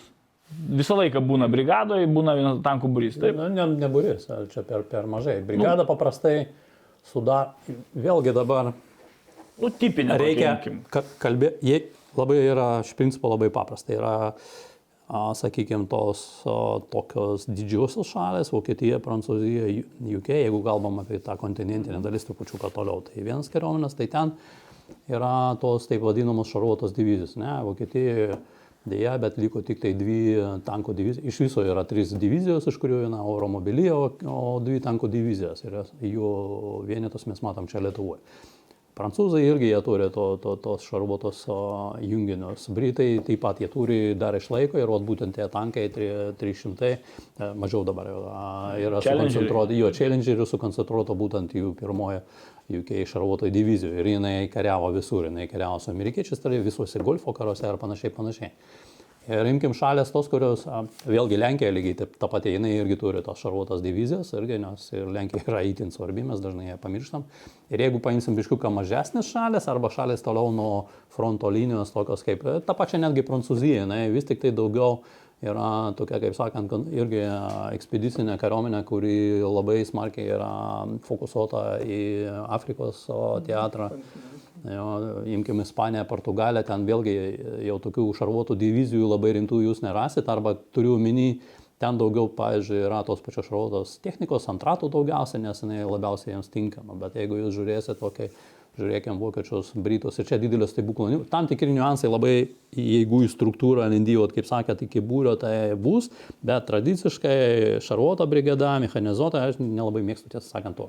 Šarvuota, armor, nes armor. Mechanizuotas biškiai jisai yra pasenęs ir čia biškiukai šalis gudrauja. Vadina dabar mechanizuotais taip. reiškia, susidėdami, bet, bet tai čia taigi žinot, nereiškia tik tai Ir mes net irgi, reiškia, brigadą, bet tas yra gerai, mes paėmėm simboliškai pavadiname gelžinį vilką mechanizuotų M113, tai tas mums, aišku, suteikia. to Dabar jau bokseriai beveik. reiškia, ir, ir galimybių mokytis tų mechanizuotų vienetų taktikos.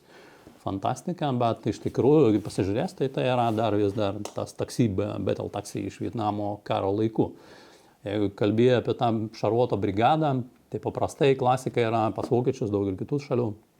Yra du batalionai, yra a, du tankai ir du pancergrenadierių, to ant PKM, vikšrinių, aš kalbu apie vikšrinius. Vokietijoje marderiai gal turbūt, ne, ar kas ten? Vis dar marderiai, jau yra pirmieji batalionai, kurie jau marderius išveda, jau perėmė ir jie jau dabar ir NATO greituose pajėguose jau pir, pirmi batalionai jau būdėjo būtent su pumom, po trupučiuką procesas jau vyksta, bet jau marderis. Nes bokseris irgi toj pačioj Vokietijos kariuomenėje yra, jisai yra transporteris. Jisai by default, jisai buvo kurtas ir jisai ir vadinasi pas vokiečius GTK, Gruppen Transport Kraftfahrzeug. Tai yra, reiškia, skyriaus transportavimo mašina. Jis super šarvota lygmojos, jinai mobili, viskas ok bet jie pakol kas tik dabar dar svarsto pakeisti vizelius su patrankom tos sunkių ginkluotės kopose, su, jau su to visiems žinomu bukštelio su 300 mm patranka. Ne? Tai va, klasika yra tokia, aišku, Vokietija, jeigu taip pat detaliau žiūrėti vokiečių divizijų struktūras, jos vėlgi, kaip sakant, prarado tą savo klasiškumo po šaltojo karo ir jos dabar kaip ir dauguma pasidarė tokios a, a, modulinės. Ja, jau jos tos, ten surasit krūvą miksų. Artilerija tik dabar gražinama į brigadų sudėtį. Brigadose iki šiol dar formaliai jų nėra batalionų, artilerinių batalionų. Keturi batalionai yra tik divizijos sudėtyje. Ir tik dabar, reiškia, naujam jau projektui, divizija 27, iki 30 metų, jie jau bando atgražinti, po trupučiuką gražina. Ir, tos artilerinius vienetus į brigadas, arba jie bet kada galės jūs pertraukti. Noriu pertraukti. Suskaičiuokim, kas įeina į brigadą. Vat, nu, gerai, armor. Brigada. Keturi batalionai, manievro batalionai, sakykime. Trys, keturi. Ja, geriau visada turėti keturis, kaip sako. Taip. Tas pats ir su kopom batalionų lygmenį. Trys, keturis. Geriau visada turėti keturis, nes kai tu pradedi dėlioti savo operacinį planą, tau reikia turėti, būtinai turėti rezervą. Ir su trim ko, plus dar plotus išlaikyti, gilius ir panašiai. Visada yra geriau, kada turi daugiau. Inžinierius inžinerijos batalionas neina? Brigada vienose šalise jo įeina, kitose tai paprastai yra, reiškia, divizijinis atsietas kaip priemonė, kaip divizijos vado. Ja? Bet brigados tradiciškai ir brigadai nereikia iš principo bataliono, nebent labai žiauriai inžinieriškai situacija yra, paprastai jos turi tą organinę inžinierinę kopą. Brigados paprastai turi štabo ryšių, inžinierinį ir oro gynybos kopą. Žvalgybos. Duodama žvalgybos be jokios abejonės, ja, visada. Tai va, o oro gynyba ir inžinierija, tai čia nuo šalių doktrinalių dalykų, struktūrinių įvairių ir panašiai. Tai Vokietijoje irgi dabar brigadose jau tų nėra inžinierinių kopų, jie, jie tos visus kovinės paramos aprūpinimo vienetus, jie turi po diviziją tiesiogiai. Jo, dabar kažką tai ten bando tvarkytis, grįžti kuo daugiau prie, prie, prie gerų, reiškia, klasikinių tų šaltųjų karo pamokų ir istorijų, o paprastai turi 3-4 manevro vienetus, vieną aprūpinimo vienetą, logistinį, sakykime, batalioną, batalioną artilerijos paprastai turi. Tai yra vat, 5-6 batalionai organiškai plus kopos, kurios brigadai reikalingos. Tai čia Lietuvoje, jeigu tai pažiūrėtume, tai mūsų geležinio vilkų brigadai, kuo taip akivaizdžiai trūksta pasižiūrėjus, kas yra tokia standartinė, standartinis sudėtinis vienetas, tai brigados vado, žinai, esančio kažkokio specializuotų prieštankinių padalinių. Prieštankinė dar kopa, tiesa, panašau. Bet dabar čia Maitijoje tai yra vystomas prieštankinės kopos pajėgumas, man atrodo. Nežinau, tai jisai vystomas visų, visų kariuomenė, jos struktūriškai tos kopos numatytos. Ir Ir yra, yra, kaip sakant, numatyta pajėgumų vystimo planuose, kad tos kopos bus vystamos. Yra, kiek dabar suprantu, štabas vertina dėl sistemų, nes, kaip žinote, ten žemesniam lygiui mes turim dževelinus batalionuose tiesiogiai. Dabar su dževelinais ir žemaityje, va būtent jie jau ten yra suformavę tam tikrą vienintukų kiekį ir jau su dževelinais tais pačiais jau, sakykime, taip žaidžia jo taktikuoja, na, brigadoje gelžinių vilkė lygiai tas pats, pavyzdžiui, kai vyksta tik, vat ir tie JLTV, kurie atėjo, jie anksčiau ar vėliau, kai jų kiekiai tie visi išsipildys grinai ant žemės, jie turėtų ateiti su tam tikrom sistemom, kurios štabas dabar vertina, nagrinėja ir matomai tai bus kažką, sakykime, taip, spaikai, enlosas, tas, taip toliau, taip toliau, tokie dalykai, galbūt kiti nežinau, čia, kaip sakant, laikas parodės ir niekas tos informacijos per daug dabar. O kas, kas trendina strateginiam lygmenį, nu, arba operaciniam strateginiam lygmenį per pratybas, tarkim, brigadų, va, didesnės NATO pratybas, kas, ar ten oro ir, ir, ir sausumos bendradarbiavimas, ar, nu, kas, kokie dalykai dabar yra, va, tarkim, ta, čia irgi galime traukti modernizaciją tam tikrą, na, kur yra pratybų ir, ir to technikos bendravimo, na, akcentai įdedami. NATO pajėgose tarp įvairių. Vėl žiūrint, žiūrint apie kokį lygmenį kalbame, jeigu, kaip sakant, tą strateginį operacinį lygmenį, tai mes matom, didžiausias, didžiausias tos pratybos natėtiškos yra taip vadinta Defenderis, jau ne vieną kartą girdėjau čia biškuką. COVID jos, kaip sakant, privertė pamodernizuoti, sakykime, su scenarijais ir panašiai, bet tai yra tos pratybos, kur būtent strateginiai operaciniai tikslai yra keliami, yra jungtinių operacijų elemento atidirbimas, jo, vat, mano minėti tie labai greitai, nes esmė yra kur, mūsų reikia labai greitai pastiprinti. Mes turim per mažai tų pajėgumų ant žemės savų, plus natėtiškai, kurie yra dabar bataliono dydžio. Tai priemančios šalies e, mobilumas karinis, ne kažkoks turbūt? Taip, taip, tai vad būtent ten, nes rusas, kur tai rusams nereikia per daug čia judėti, jeigu reikia, meistrai yra geri, labai greitai jie persikelia ir nelabai daug matant, kaip sakant, prie sienų, vat, Ukrainą matėme, 120 tūkstančių staigiai išdygo, e, jie jau čia. Tai va toje vietoje mes šiek tiek simboliškai, galima sakyti, pralošėme, ne? nes pajėgumo trūksta čia ant žemės dėl tam tikrų priežasčių ir juos reikia staigiai kelti. Na, staigiai kelti, reikia kelti iš už Atlanto, iš strategic liftas, kaip ten gilumos. Taip, taip, strategic liftą ir čia viskas. Jūra, orlaiviai, traukiniai ir o tie dalykai tų pratybų metu atidirbami. Tai čia yra tie strateginiai operaciniai dalykai. Jeigu eini žemiau, nu, tai batalionuose, brigadose, tai čia jau žinote, jau paprastai, taip sakykime, tos lengvus smėlio dėžėje žaidžia tos pačios brigados, batalionai, gauna tam tikras jau vietoj taktinės užduotelės. Ir čia tu viską interoperability tarp įvairių. Taip, viską, ką mes čia minėjom, viską tu bandai atidirbti. Matėte, vokiečiai atvažiuoja, olandai nuolat dabar jie atsiunčia tokius pastiprinimus čia prie kovinės grupės pabradę su pancergaubicom ir ten mūsų kareiviai kartu susijungia, šaudo, žiūri, kaip kas ką dirba, kažko mokosi. Ta pati atrodo ginklų sistema artilerinė, ne?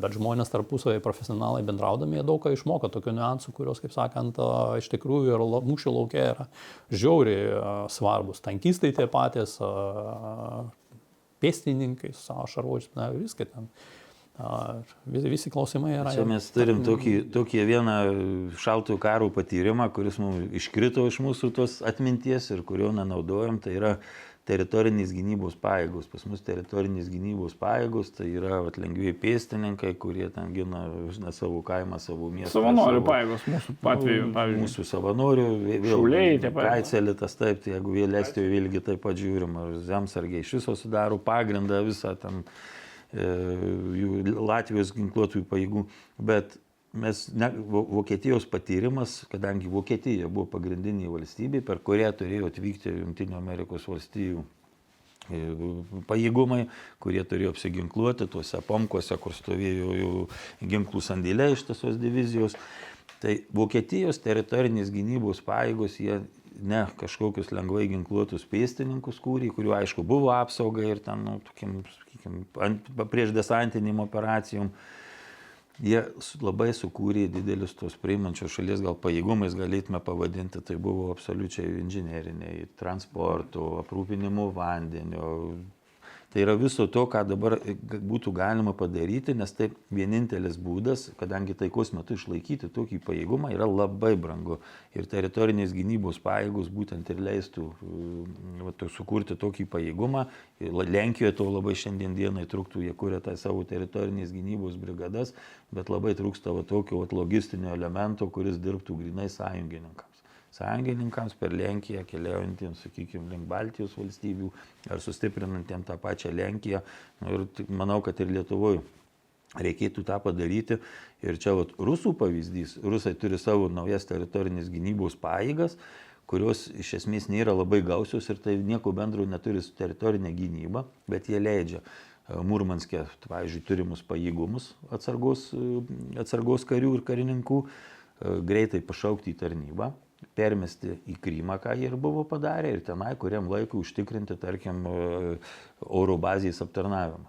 Ir ką, ką jie daro, jie moka vieną dvyliktąją atlyginimo, pavyzdžiui, kuris priklausytų, gerbiamam pulkininkui išėjus į atsargą, priklausytų pulkininkų atlyginimas toks seržantui vėl kažkoks, jie moka vieną dvyliktąją kas mėnesį tik todėl, kad tas žmogus yra tose teritorinės gynybos pajėgose, jisai visgi atvyksta apmokymam ir prireikus pašaukti, tai yra jie išlaiko tuos specialistus, kurie, kurie jiems reikalingi, nes Rusijoje ko trūksta, tai tikrai trūksta specialistų, turi daug žmonių, bet specialistų trūkumas.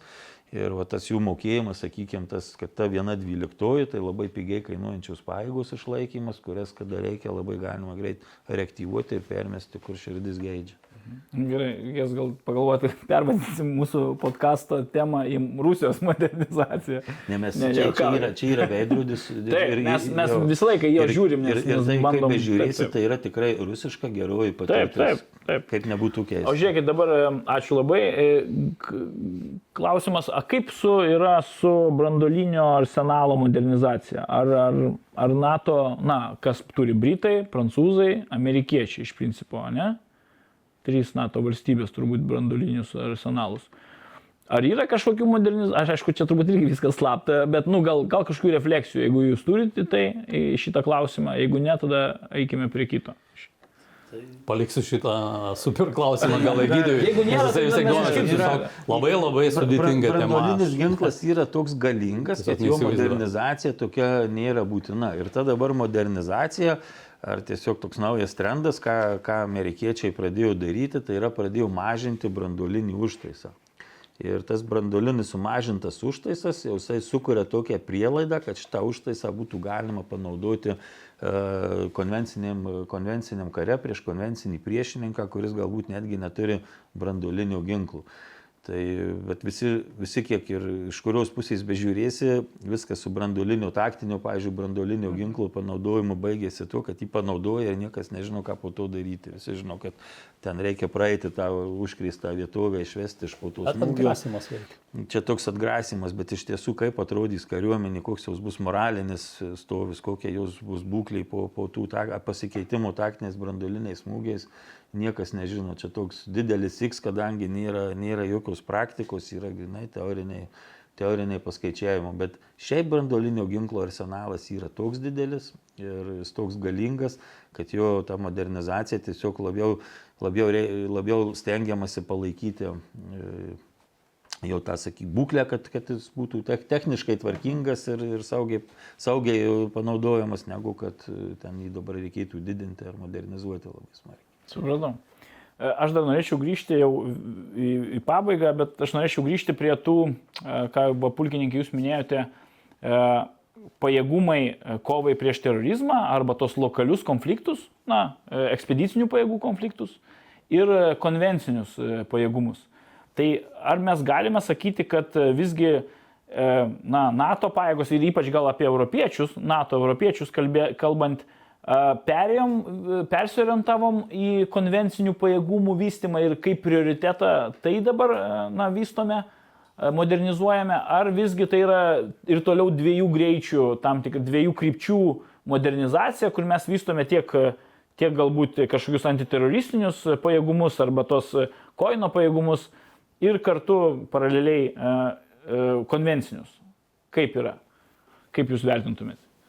Na, žiūrėkime, kai visą laiką bandom kažkaip išskirti šitas dvi kategorijas. Tai aš kaip profesionalas nelabai mėgstu jos skirti taip drastiškai, kaip sakau, nes vėlgi mes ir tankus naudojam Afganistane. Na, ir dabar maliai naudojam sunkia ginkluotę.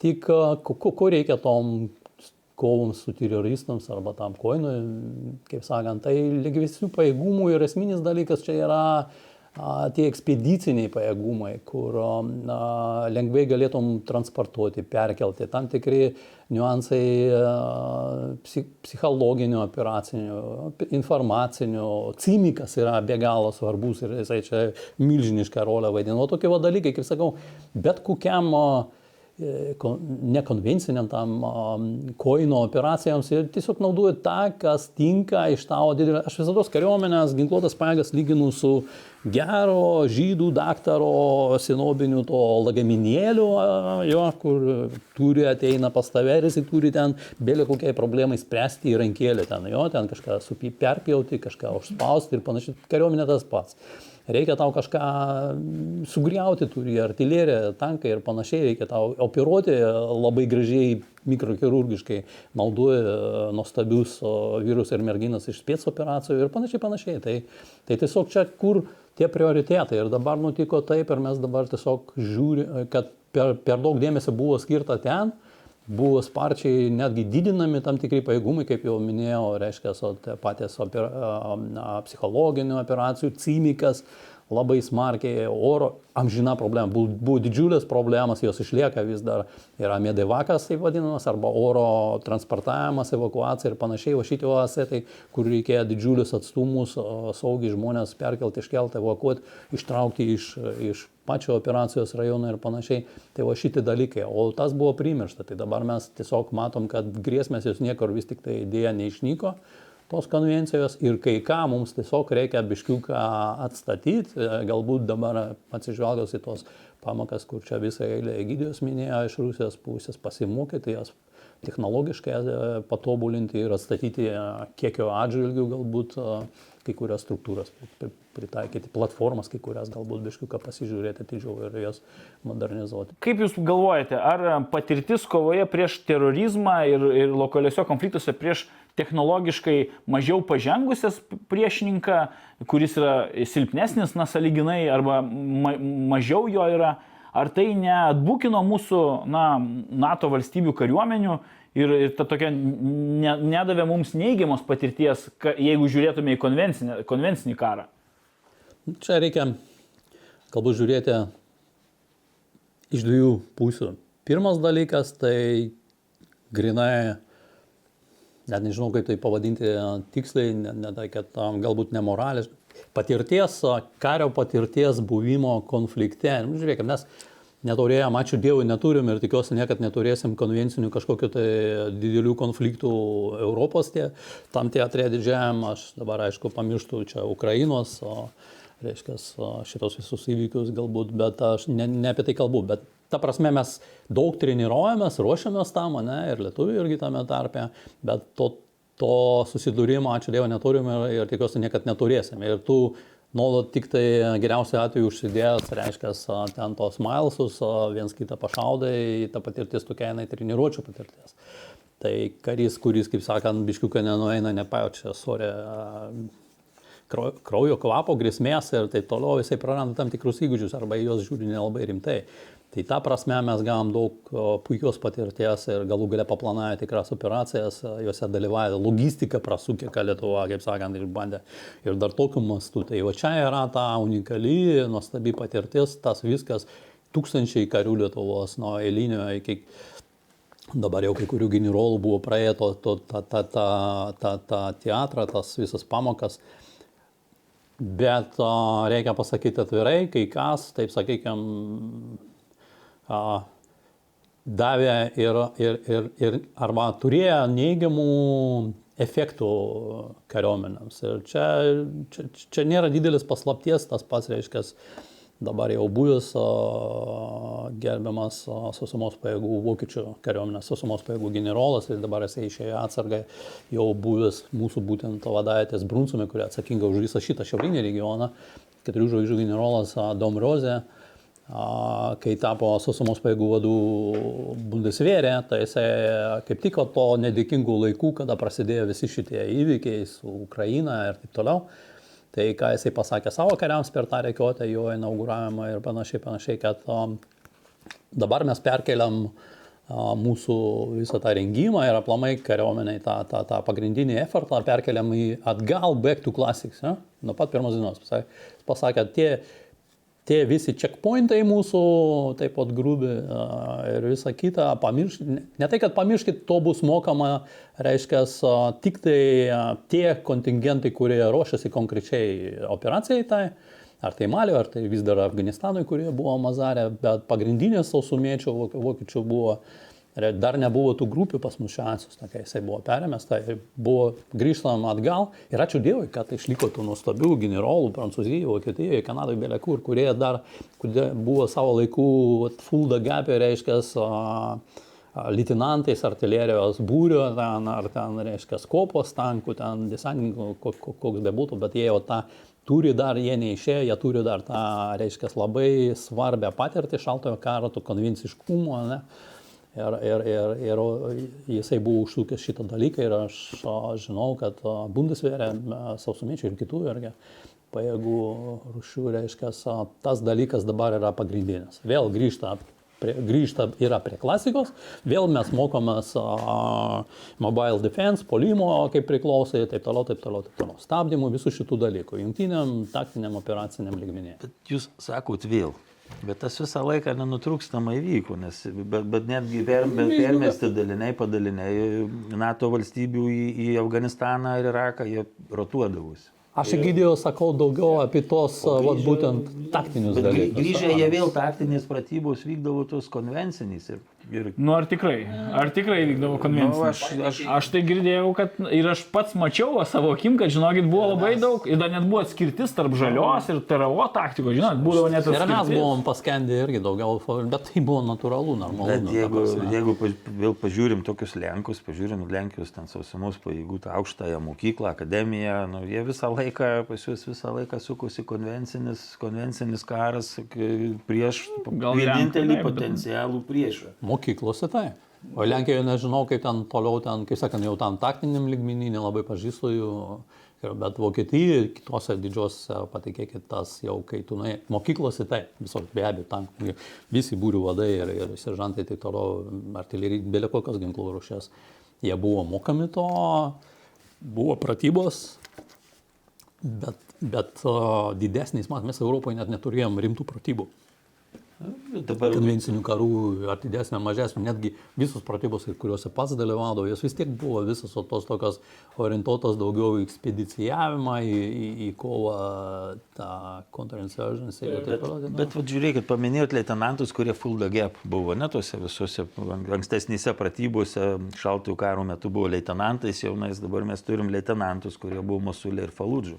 Ir mes turim žmonės, kurie e, vis dėlto turi patirtį, unikalią patirtį. Ja, bet, bet klausykit, Egidėjau, ten yra kova prieš ko, counterinsurgency kova, ten prieš teroristus, ten tu ne, ne, nesusidursi su teroristais. Jūs, jūs pasižiūrėkite, su tanku, kokio, kokio lygio vis dėlto buvo operacija, tas tankas bus tik tai papildoma tokia vat, techninė priemonė, bet iš esmės tai yra didžiulis, didelis, didelis, didelis, urban, didelis urbanizuotos vietovės, labai didelis. Ir tai joje veikti, užtikrinti ryšį tarp atskirų dalykų. Buvo, buvo, užtikrinti taip, logistiką, tai tokios jūs vėl, jūs vis tiek norom, nenorom, nenorom įlindot į urban tą warfare, jo, kur daugiausia tai yra, yra tas partizinavimas. Kai tu jau, kadangi tavo tokios pajėgas, tu negalėjai atviram mūšio laukia kautis, tai tu kaunėsi, aišku, tokiuose vietovėse, kur tu panaikini, nivilioji tos priešininko pajėgumus, sakykime, sunkiosios ir tie kalba eina apie tai, kad vis tik tai, kaip tu stabdysi, o nuo sienos o, tuose kryp, polimo kryptise, kai eina mechanizuota kolona, vienas po kito ešalonas, mm, galima Tai, tai ir, ir aš čia kalbu jau apie NATO, ne atskiras šalis, kurios galbūt tuo momentu užkluptos ir jiems nėra kito pasirinkimo, jos gal ne, negali stabdyti, jos eina kažkur į miškus, į kalnus, į miestus ir ten kaunasi, bet aš, mes, kai kalbėjom, tai apie tos, sakykime, tokios biškai platesnio masto, ta pati Lenkija ir taip toliau, nu, tai jie žiūri ten tos kažkokios Brestgeitos, ten dar kažką, tai yra Fulda gapus vokiečiai ir panašiai. Ir tu tas dalykas. O dabar, ką jie daro pabradė, irgi ir amerikiečiai, ir vokiečiai, kiti, kurie tenais irgi dalyvauja. Irgi, nu, tai jie vat, ir mokosi to, to, to mobilios gynybos, stabdymo veiksmų, polimo, kontratakavimo, šitie dalykai buvo totaliai pamiršti kariuomenėse europinėse. Netgi sakau pas mus, mes, kaip sakant, nuo 2004 irgi metėmės visi su ausim, su kojom, reiškia, į tą. Ir tas buvo natūralu, normalu, reikėjo ruoštis rimtai operacijai, kur sukama buvo visa kariuomenė mūsų mastais. Tai buvo grandiozinis, unikalus istorinis dalykas. Tai nėra kažkoks, kaip sakant, tiesiog dabar reikia atgal kaip sakant, sugrįž, mokom tos to dalykų ir neapleidžiam ir mes esame jau meistrai. Tie, kurie važiuoja malį, reiškia, jie mokami to, jie jau žino, didžiulė patirtis yra, važiuoja ten, bet tai nėra mūsų, sakykime, tas net, ir neturėtų būti. Nes nepamirškim, kiekvieną kariuomenę, kiekvienas kariuomenės vadas kovinio rengimo doktrinoje jis visada išrašo ten kažkokias gairias, ką daryti daugiau, daugiau. Ir tais laikais tokių nebuvo ypatingų, ten net, net negalėjo šiaip jau būti per daug. Mm nes politiškai nebuvo, reiškia, Rusija atsirado kaip grėsmė visai, visai neseniai. Taigi dabar aš dar vėlgi paprovokuosiu jūs gerbimieji, mm, visi žinome tą e, propagandinį teiginį, kad Rusija, ten Baltijos valstybės arba pradėti konfliktą gali per 48 valandas. Ir jūs irgi, pulkininkai, minėjote tą pavyzdį su Ukraina, kur, ne, kur gan greitai permetė pakankamai pajėgumų savo Rusiją. Tai ar NATO, na, politinė, karinė, ta procedūrų, strateginiam lygmenį, tarkim, procedūrų, na, procedūrose, ar, ar, ar karinio mobilumo prasme, ar visgi pajėgi taikyti, na, a, tam iššūkiui, kaip sakant, prieš pastatyti kažką šiuo metu, ar, ar visgi vėlgi dabar vystomi ES karinio mobilumo PESCO projektai, ne? Yra daug, daug krypčių, dirbama ties to, bet vėlgi, ar šiam momentui, na, būt, būtų tame problemų, ar, ar visgi viskas eitų kaip per sviestą? Čia tikiuosi iš Latvijų gatvės mūsų nežiūrėsite podcast'o. Aš slaptų dalykų ir nekalbėsim, aišku. Ne, tai visai nėra čia didelė paslaptis, tai yra viešuose šaltiniuose galima rasti, yra krūvo studijų yra atlikta ir, ir daugelis buvusių generolų, kaip, pavyzdžiui, Benis Hodžisas kalba apie tą dalyką ir tas yra labai gerai. Taip, mes turim ten tą grand strateginį tokį o, minusuką prieš rusus, jie, jiem nėra kur, jie tiesiog čia yra. Ja? Ir dar vat, klausimas, kaip čia bus po Zapado, reiškia, pakol kas mus gelbėdavo buferis saliginis, kol Baltarusija dar bandė vaidinti iš savęs nepriklausomą valstybę, tai jinai mums yra savotiškas buferis su keliolika šimtų kilometrų, reiškia, kol jie čia būtų pritraukti ir tu galėtum matyti ten tas šarvuotas divizijas, bet Latvijas tai jie gyvena su jais, teisė ant sienos, jo, jam nereikia per daug perkelti. Vėlgi dėl politinių sumetimų Baltijos šalise per daug pajėgų nėra natietiškų sukoncentruota, jo, viską, ką mes turim, tai yra atskiri batalionai arba tos, tiksliau vadinamos kovinės grupės bataliono dydžio, bet Čia yra esmė, esmė, kurią daugelis primityviai taip galvoja, galvoja, nu čia kažkoks batalionukas, ne, ten treniruojasi. Ne, šitos grupės, kai atsirado Baltijos šalise, nepamirškim, kad tos grupės, jos kiekviena turi nuo keturių ir Latvijoje ten iš viso, man atrodo, iki aštuonių šalių NATO dalyvaujančių. Tai kas tai yra?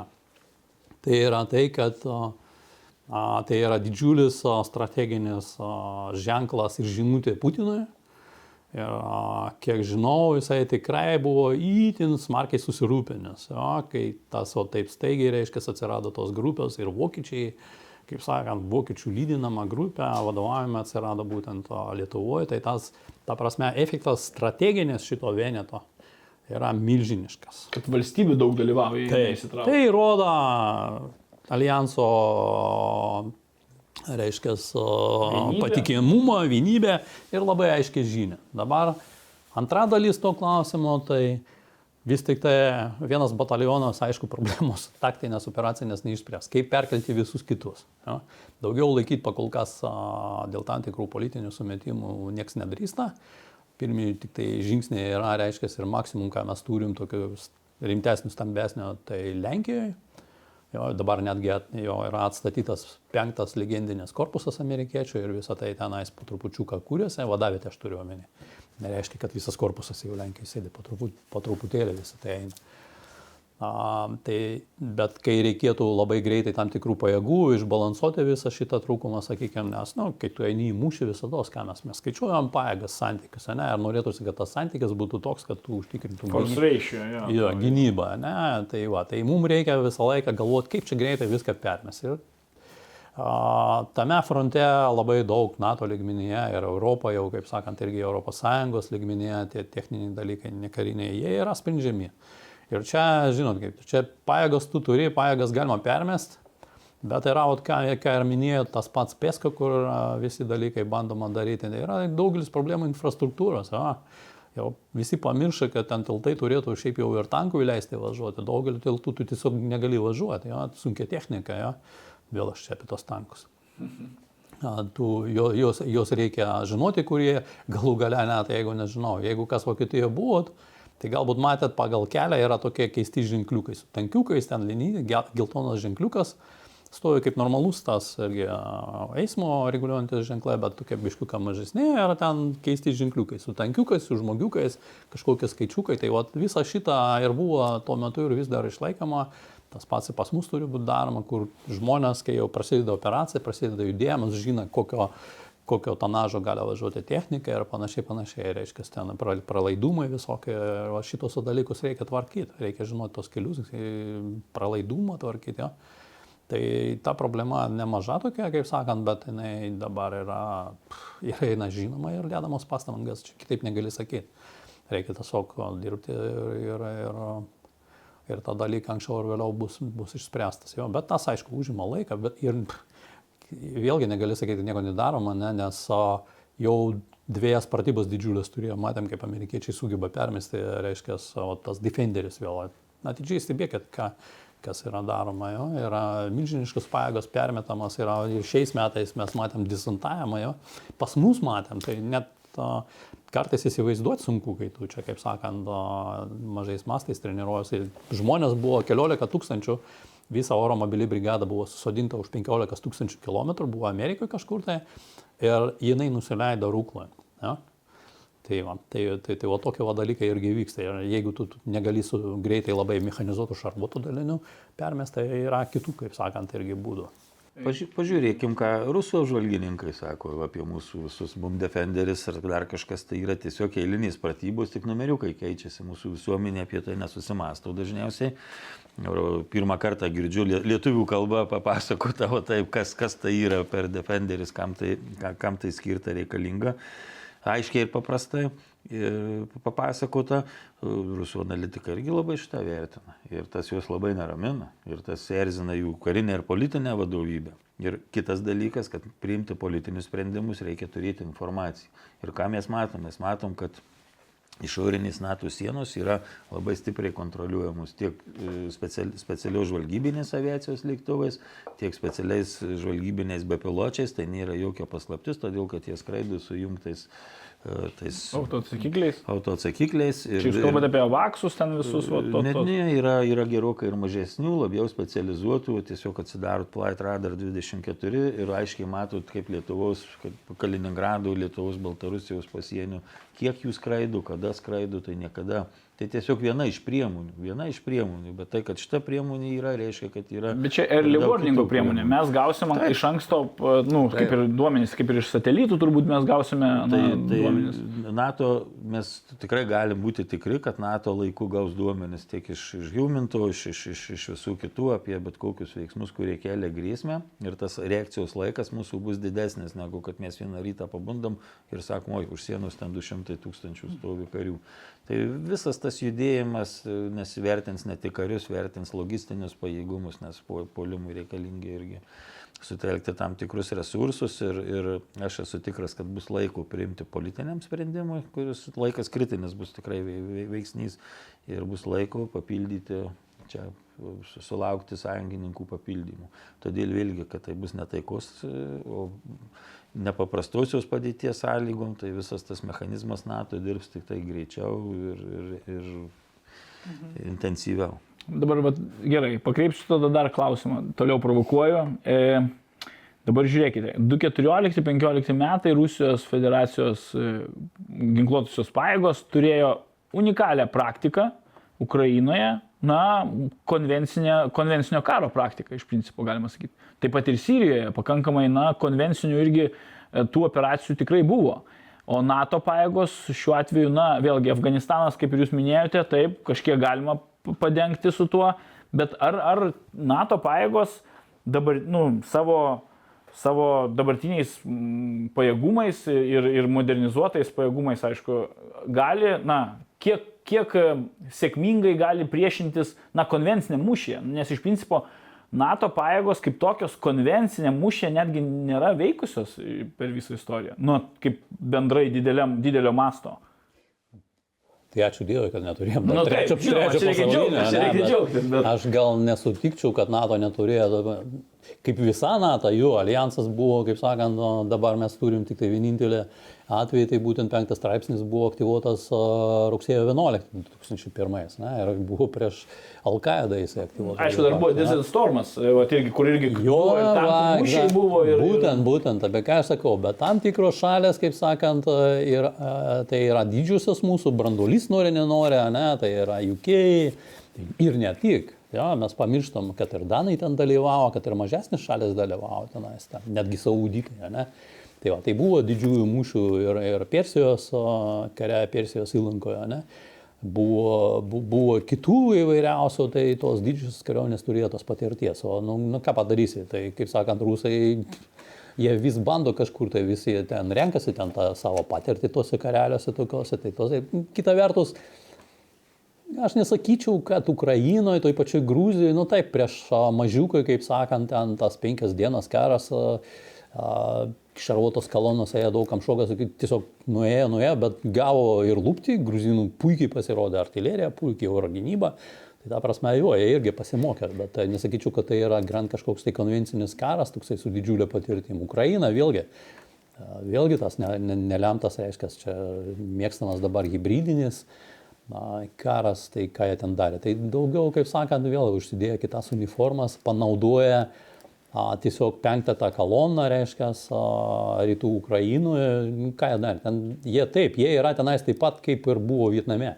Kaip galbūt toj pačioj Sirijoje anksčiau jie buvo, irgi sovietiniais laikais. Ne, daugiau ten tie korpusai, jų divizijos sėdi už nugarį giliam, net Rusijos teritorijoje ir, ir jie e, padeda jiems tam tikrą ma, mažus vienetus bando įvesti ir dalyvavo ir gavo vėl tenais nemažai kaulus, tame tarpe, aišku, jie ten galbūt ir, ir, ir neblogai kai kuriuose vietose taktiškai sudalyvavo, bet nu, netokiais jau dideliais vienetais. Mastas nėra dar tas, toksai, žinot, ačiū Dievui, didžiojo masto, ta prasme, kad, jie, kad galėtume iš karto sakyti, kad jie čia sukaupė milžinišką patirtį. Bet žiūrėk, ne. Tarkim, e, Rusijos federacijos ginkluotojų pajėgų motošaulių pulkas prieš JAV e, mechanizuotą pulką.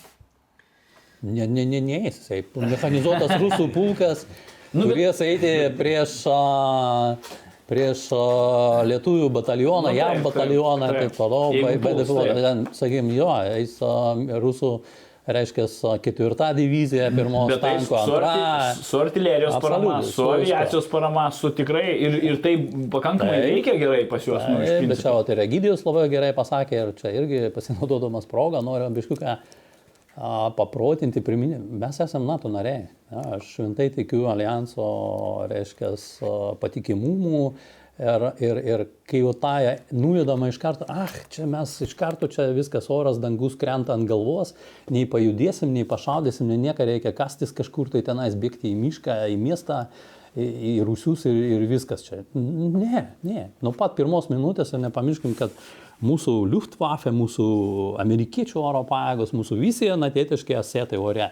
Jie veiks nuo pat pirmos minutės. Ir šitas būtent oro pajėgų komponentas yra tas komponentas, kuris žaibiškai gali reaguoti. Jam nereikia kaip šarvuotom mūsų šarvuotėms junginiams keltis per Marės Atlantus, po to judėti dar žemę per visą Lenkiją ir taip toliau panašiai. Jisai valandų bėgiai aktyvuojamas, jisai lėktuvui nereikia per daug ir, ir, ir čia bus reikalų. Ir aš esu tikras, rusai bus labai greitai nusodinti ir mes turėsim vis, vis, visai, visai neblogą situaciją. Taip, kažkas skraidys, krys, šaudys, reikia nepamiršti, apie ką visą laiką minėjau, nepamiršti ir pasyves, ir aktyves oro erdvės apsaugos priemonės. Tu turi, čia yra problema. Ir po to mes taip, ah, kaip čia dronai mūsų, čia visus sulūpo. Tai nepamiršk, kad tu turėsi, kas yra dronas? Dronas yra orlaivis.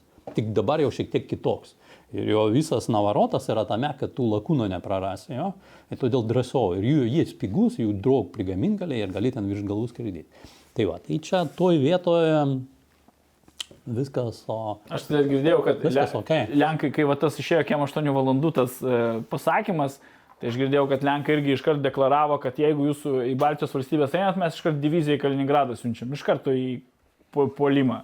Nu, bet čia irgi toks deklaratyvus dalykas, aišku. Egidėjau, kaip jūs ma Tai mąstote? nepamirškime tuos B52, kurie atskridė, dirbo mūsų Kazdų rūdos aerodrome, poligone. Nepamirškim tuos strateginius, galima sakyti, bepiločių pajėgumus, smūgiamuosius ir žvalgybinius, kuriuos turi. Taip, kad mes sakysim, kad ten mūsų sąjungininkai kažkur toli, bet tos B52 ginkluotė, kuri tikrai labai pritaikyta ir efektyvi, jinai gali labai daug tų kai kam padaryti netikėtumų ir pasienyje ten kelienų kybartai, ten Mariampolį, Kaunas ar, ar, ar, ar kažkur jau Kaliningrado pusėje. Karas, aišku, nėra kompiuterinis žaidimas, jame daug nežinomųjų, jame visus, visus pusės patiria didesnius, mažesnius nuostolius ir absoliučiai neaišku, ar šiandien dienai Rusijos pusė paėgi panešti, tok- pe- pakelti tokius nuostolius, kokius ten pakeldavo stalininio režimo ar kitais metais. Ir mm, tas faktas tas, kad mes nesam, nesam agresyvi valstybė, nes neskaičiuojam, per kiek laiko mes užimsim Kaliningradą, net nekalbam apie tai. Tai viena pusė ten skaičiuoja valandas, per kiek laiko užims.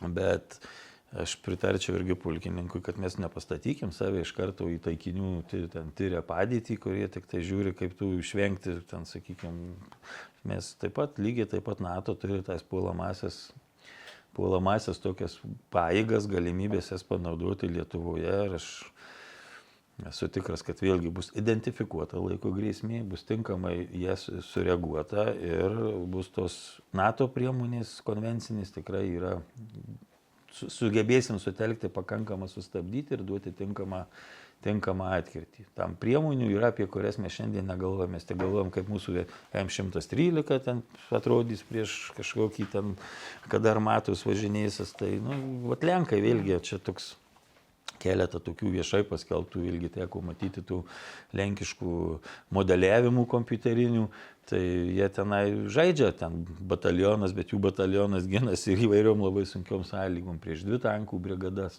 Ir tankų brigada Vilna gali taip visą vienu metu užkristi, ant to yra, yra pirmas ešelonas, antras ešelonas, yra tas, nu, tam reikia ruošti, tam reikia ruošti. Tam- tam reikia Norėčiau, kad ruoštis, Teisingai suprastų daugumą, kad na, mes dažnai save, kaip Egidijus sako, pastatom į tokią padėtį ir tada, pra, tada tas rengimasis visų, jo, pradedant nuo šaulių, baigiant mechanizuotą mūsų brigadom, jisai visai, visai kitą prasme įgauna, visai kitokius dalykus. Reikia tiesiog turėti tą kontekstą, didesnį kontekstą galvoje nuolat, tam, kad geriau pasiruošti, kad gi- ne- ne- ne- neįvaryti savo to tokio, žinot, dažnai kai pasižiūri diskusijas, tas pasiskaitai, tai tas įvarytas kompleksas toks ir jisai, mano galvo, jisai trukdo.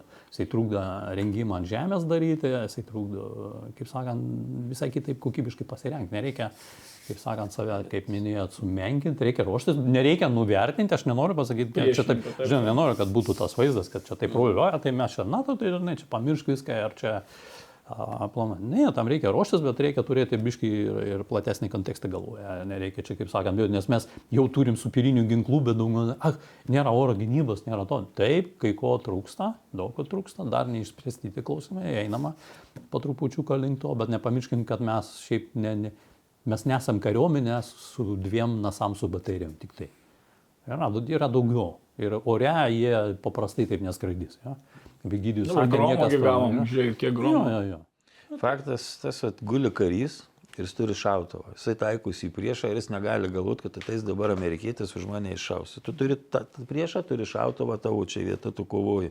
Tačiau yra aukštesnis lygis, yra vadai, yra bendra NATO vadovybė, kurie jau turi tą vat, visiškai, visiškai kitą planą. Tai, Tai be abejo, čia ir vietoje tie taktiniai svarstomi dalykai ir, ir, ir, ir vykdomi, bet už nugaros turim suprasti, kad tikrai už, už mūsų nugaros stovi pats galingiausias gynybinis blokas. Neatmeta to, kad nepamiršk, kad kastis, kastis ir dar kartą kastis turi. Ne tik tai turi, no, kaip Gydijus sakė, slėptis turi. Jeigu yra šansas, tai ne, ne, tai kad B52 ore yra, viskas yra puiku, bet kaip ir Ukrainai turi kastis, kastis, kastis. Jeigu tik tai tokia turi įsitvirtinti turi, pu- puikiai, pasi- kaip minėjau, atslapukai šaulių ten reiškia, puikiai slapstosi šitus dalykus, elementarius dalykus reikia mokytis, nuo grėsmių tu niekur nepabėgsi jas. Reikia visą laiką turėti omenyje, kad, kaip sakant, irgi kiti tą gali matyti ir gali labai puikiai veikti. Ir Rusijos pamokos, mes kalbam taip, jie turėjo konfliktų, jų labai tos pamokos skirtingos nuo to, kas jų lauktų konvencinių karų su NATO metu. Ir mes kol kas matom jų tokį nesugebėjimą pamokas išmokti. Iš tiesų nereikia vėlgi jų nenuvertinant, vis dėlto matosi, kad jie tas pamokas išmoksta ne visada. Ir tai yra tradiciniai Rusijos nuo carinių laikų, sovietinių laikų, žiemos karų pamokas. Jie visas tas pamokas išmoko neteisingai. Ir ir toliau tos, sakykime, tos klaidos padarytos žiemos kare, 41-ais tuose pačiuose mechanizuotuose korpusuose buvo net jų struktūroje atsispindėjo tos vat, klaidos ir, ir, ir visoji to, vat, sakykime, koncepcijoje, dėl ko, dėl ko jie ir patyrė tą pralaimėjimą. Lygiai taip pat matom, kad ir neišmoko ir Gruzijos pamokų, ir neišmoko Ukrainos pamokų. Gerai, tai ačiū Jums labai, mėly kolegos, gintarai, dėkui, buvo malonu, o gerbėjams žiūrovam linkiu e, neužmygti ant laurų ir nors ir kariuomenė taikos metu vegetuoja, bet aš manau, kad kiekvienas mūsų žino savo pareigas ir mes jas darysime.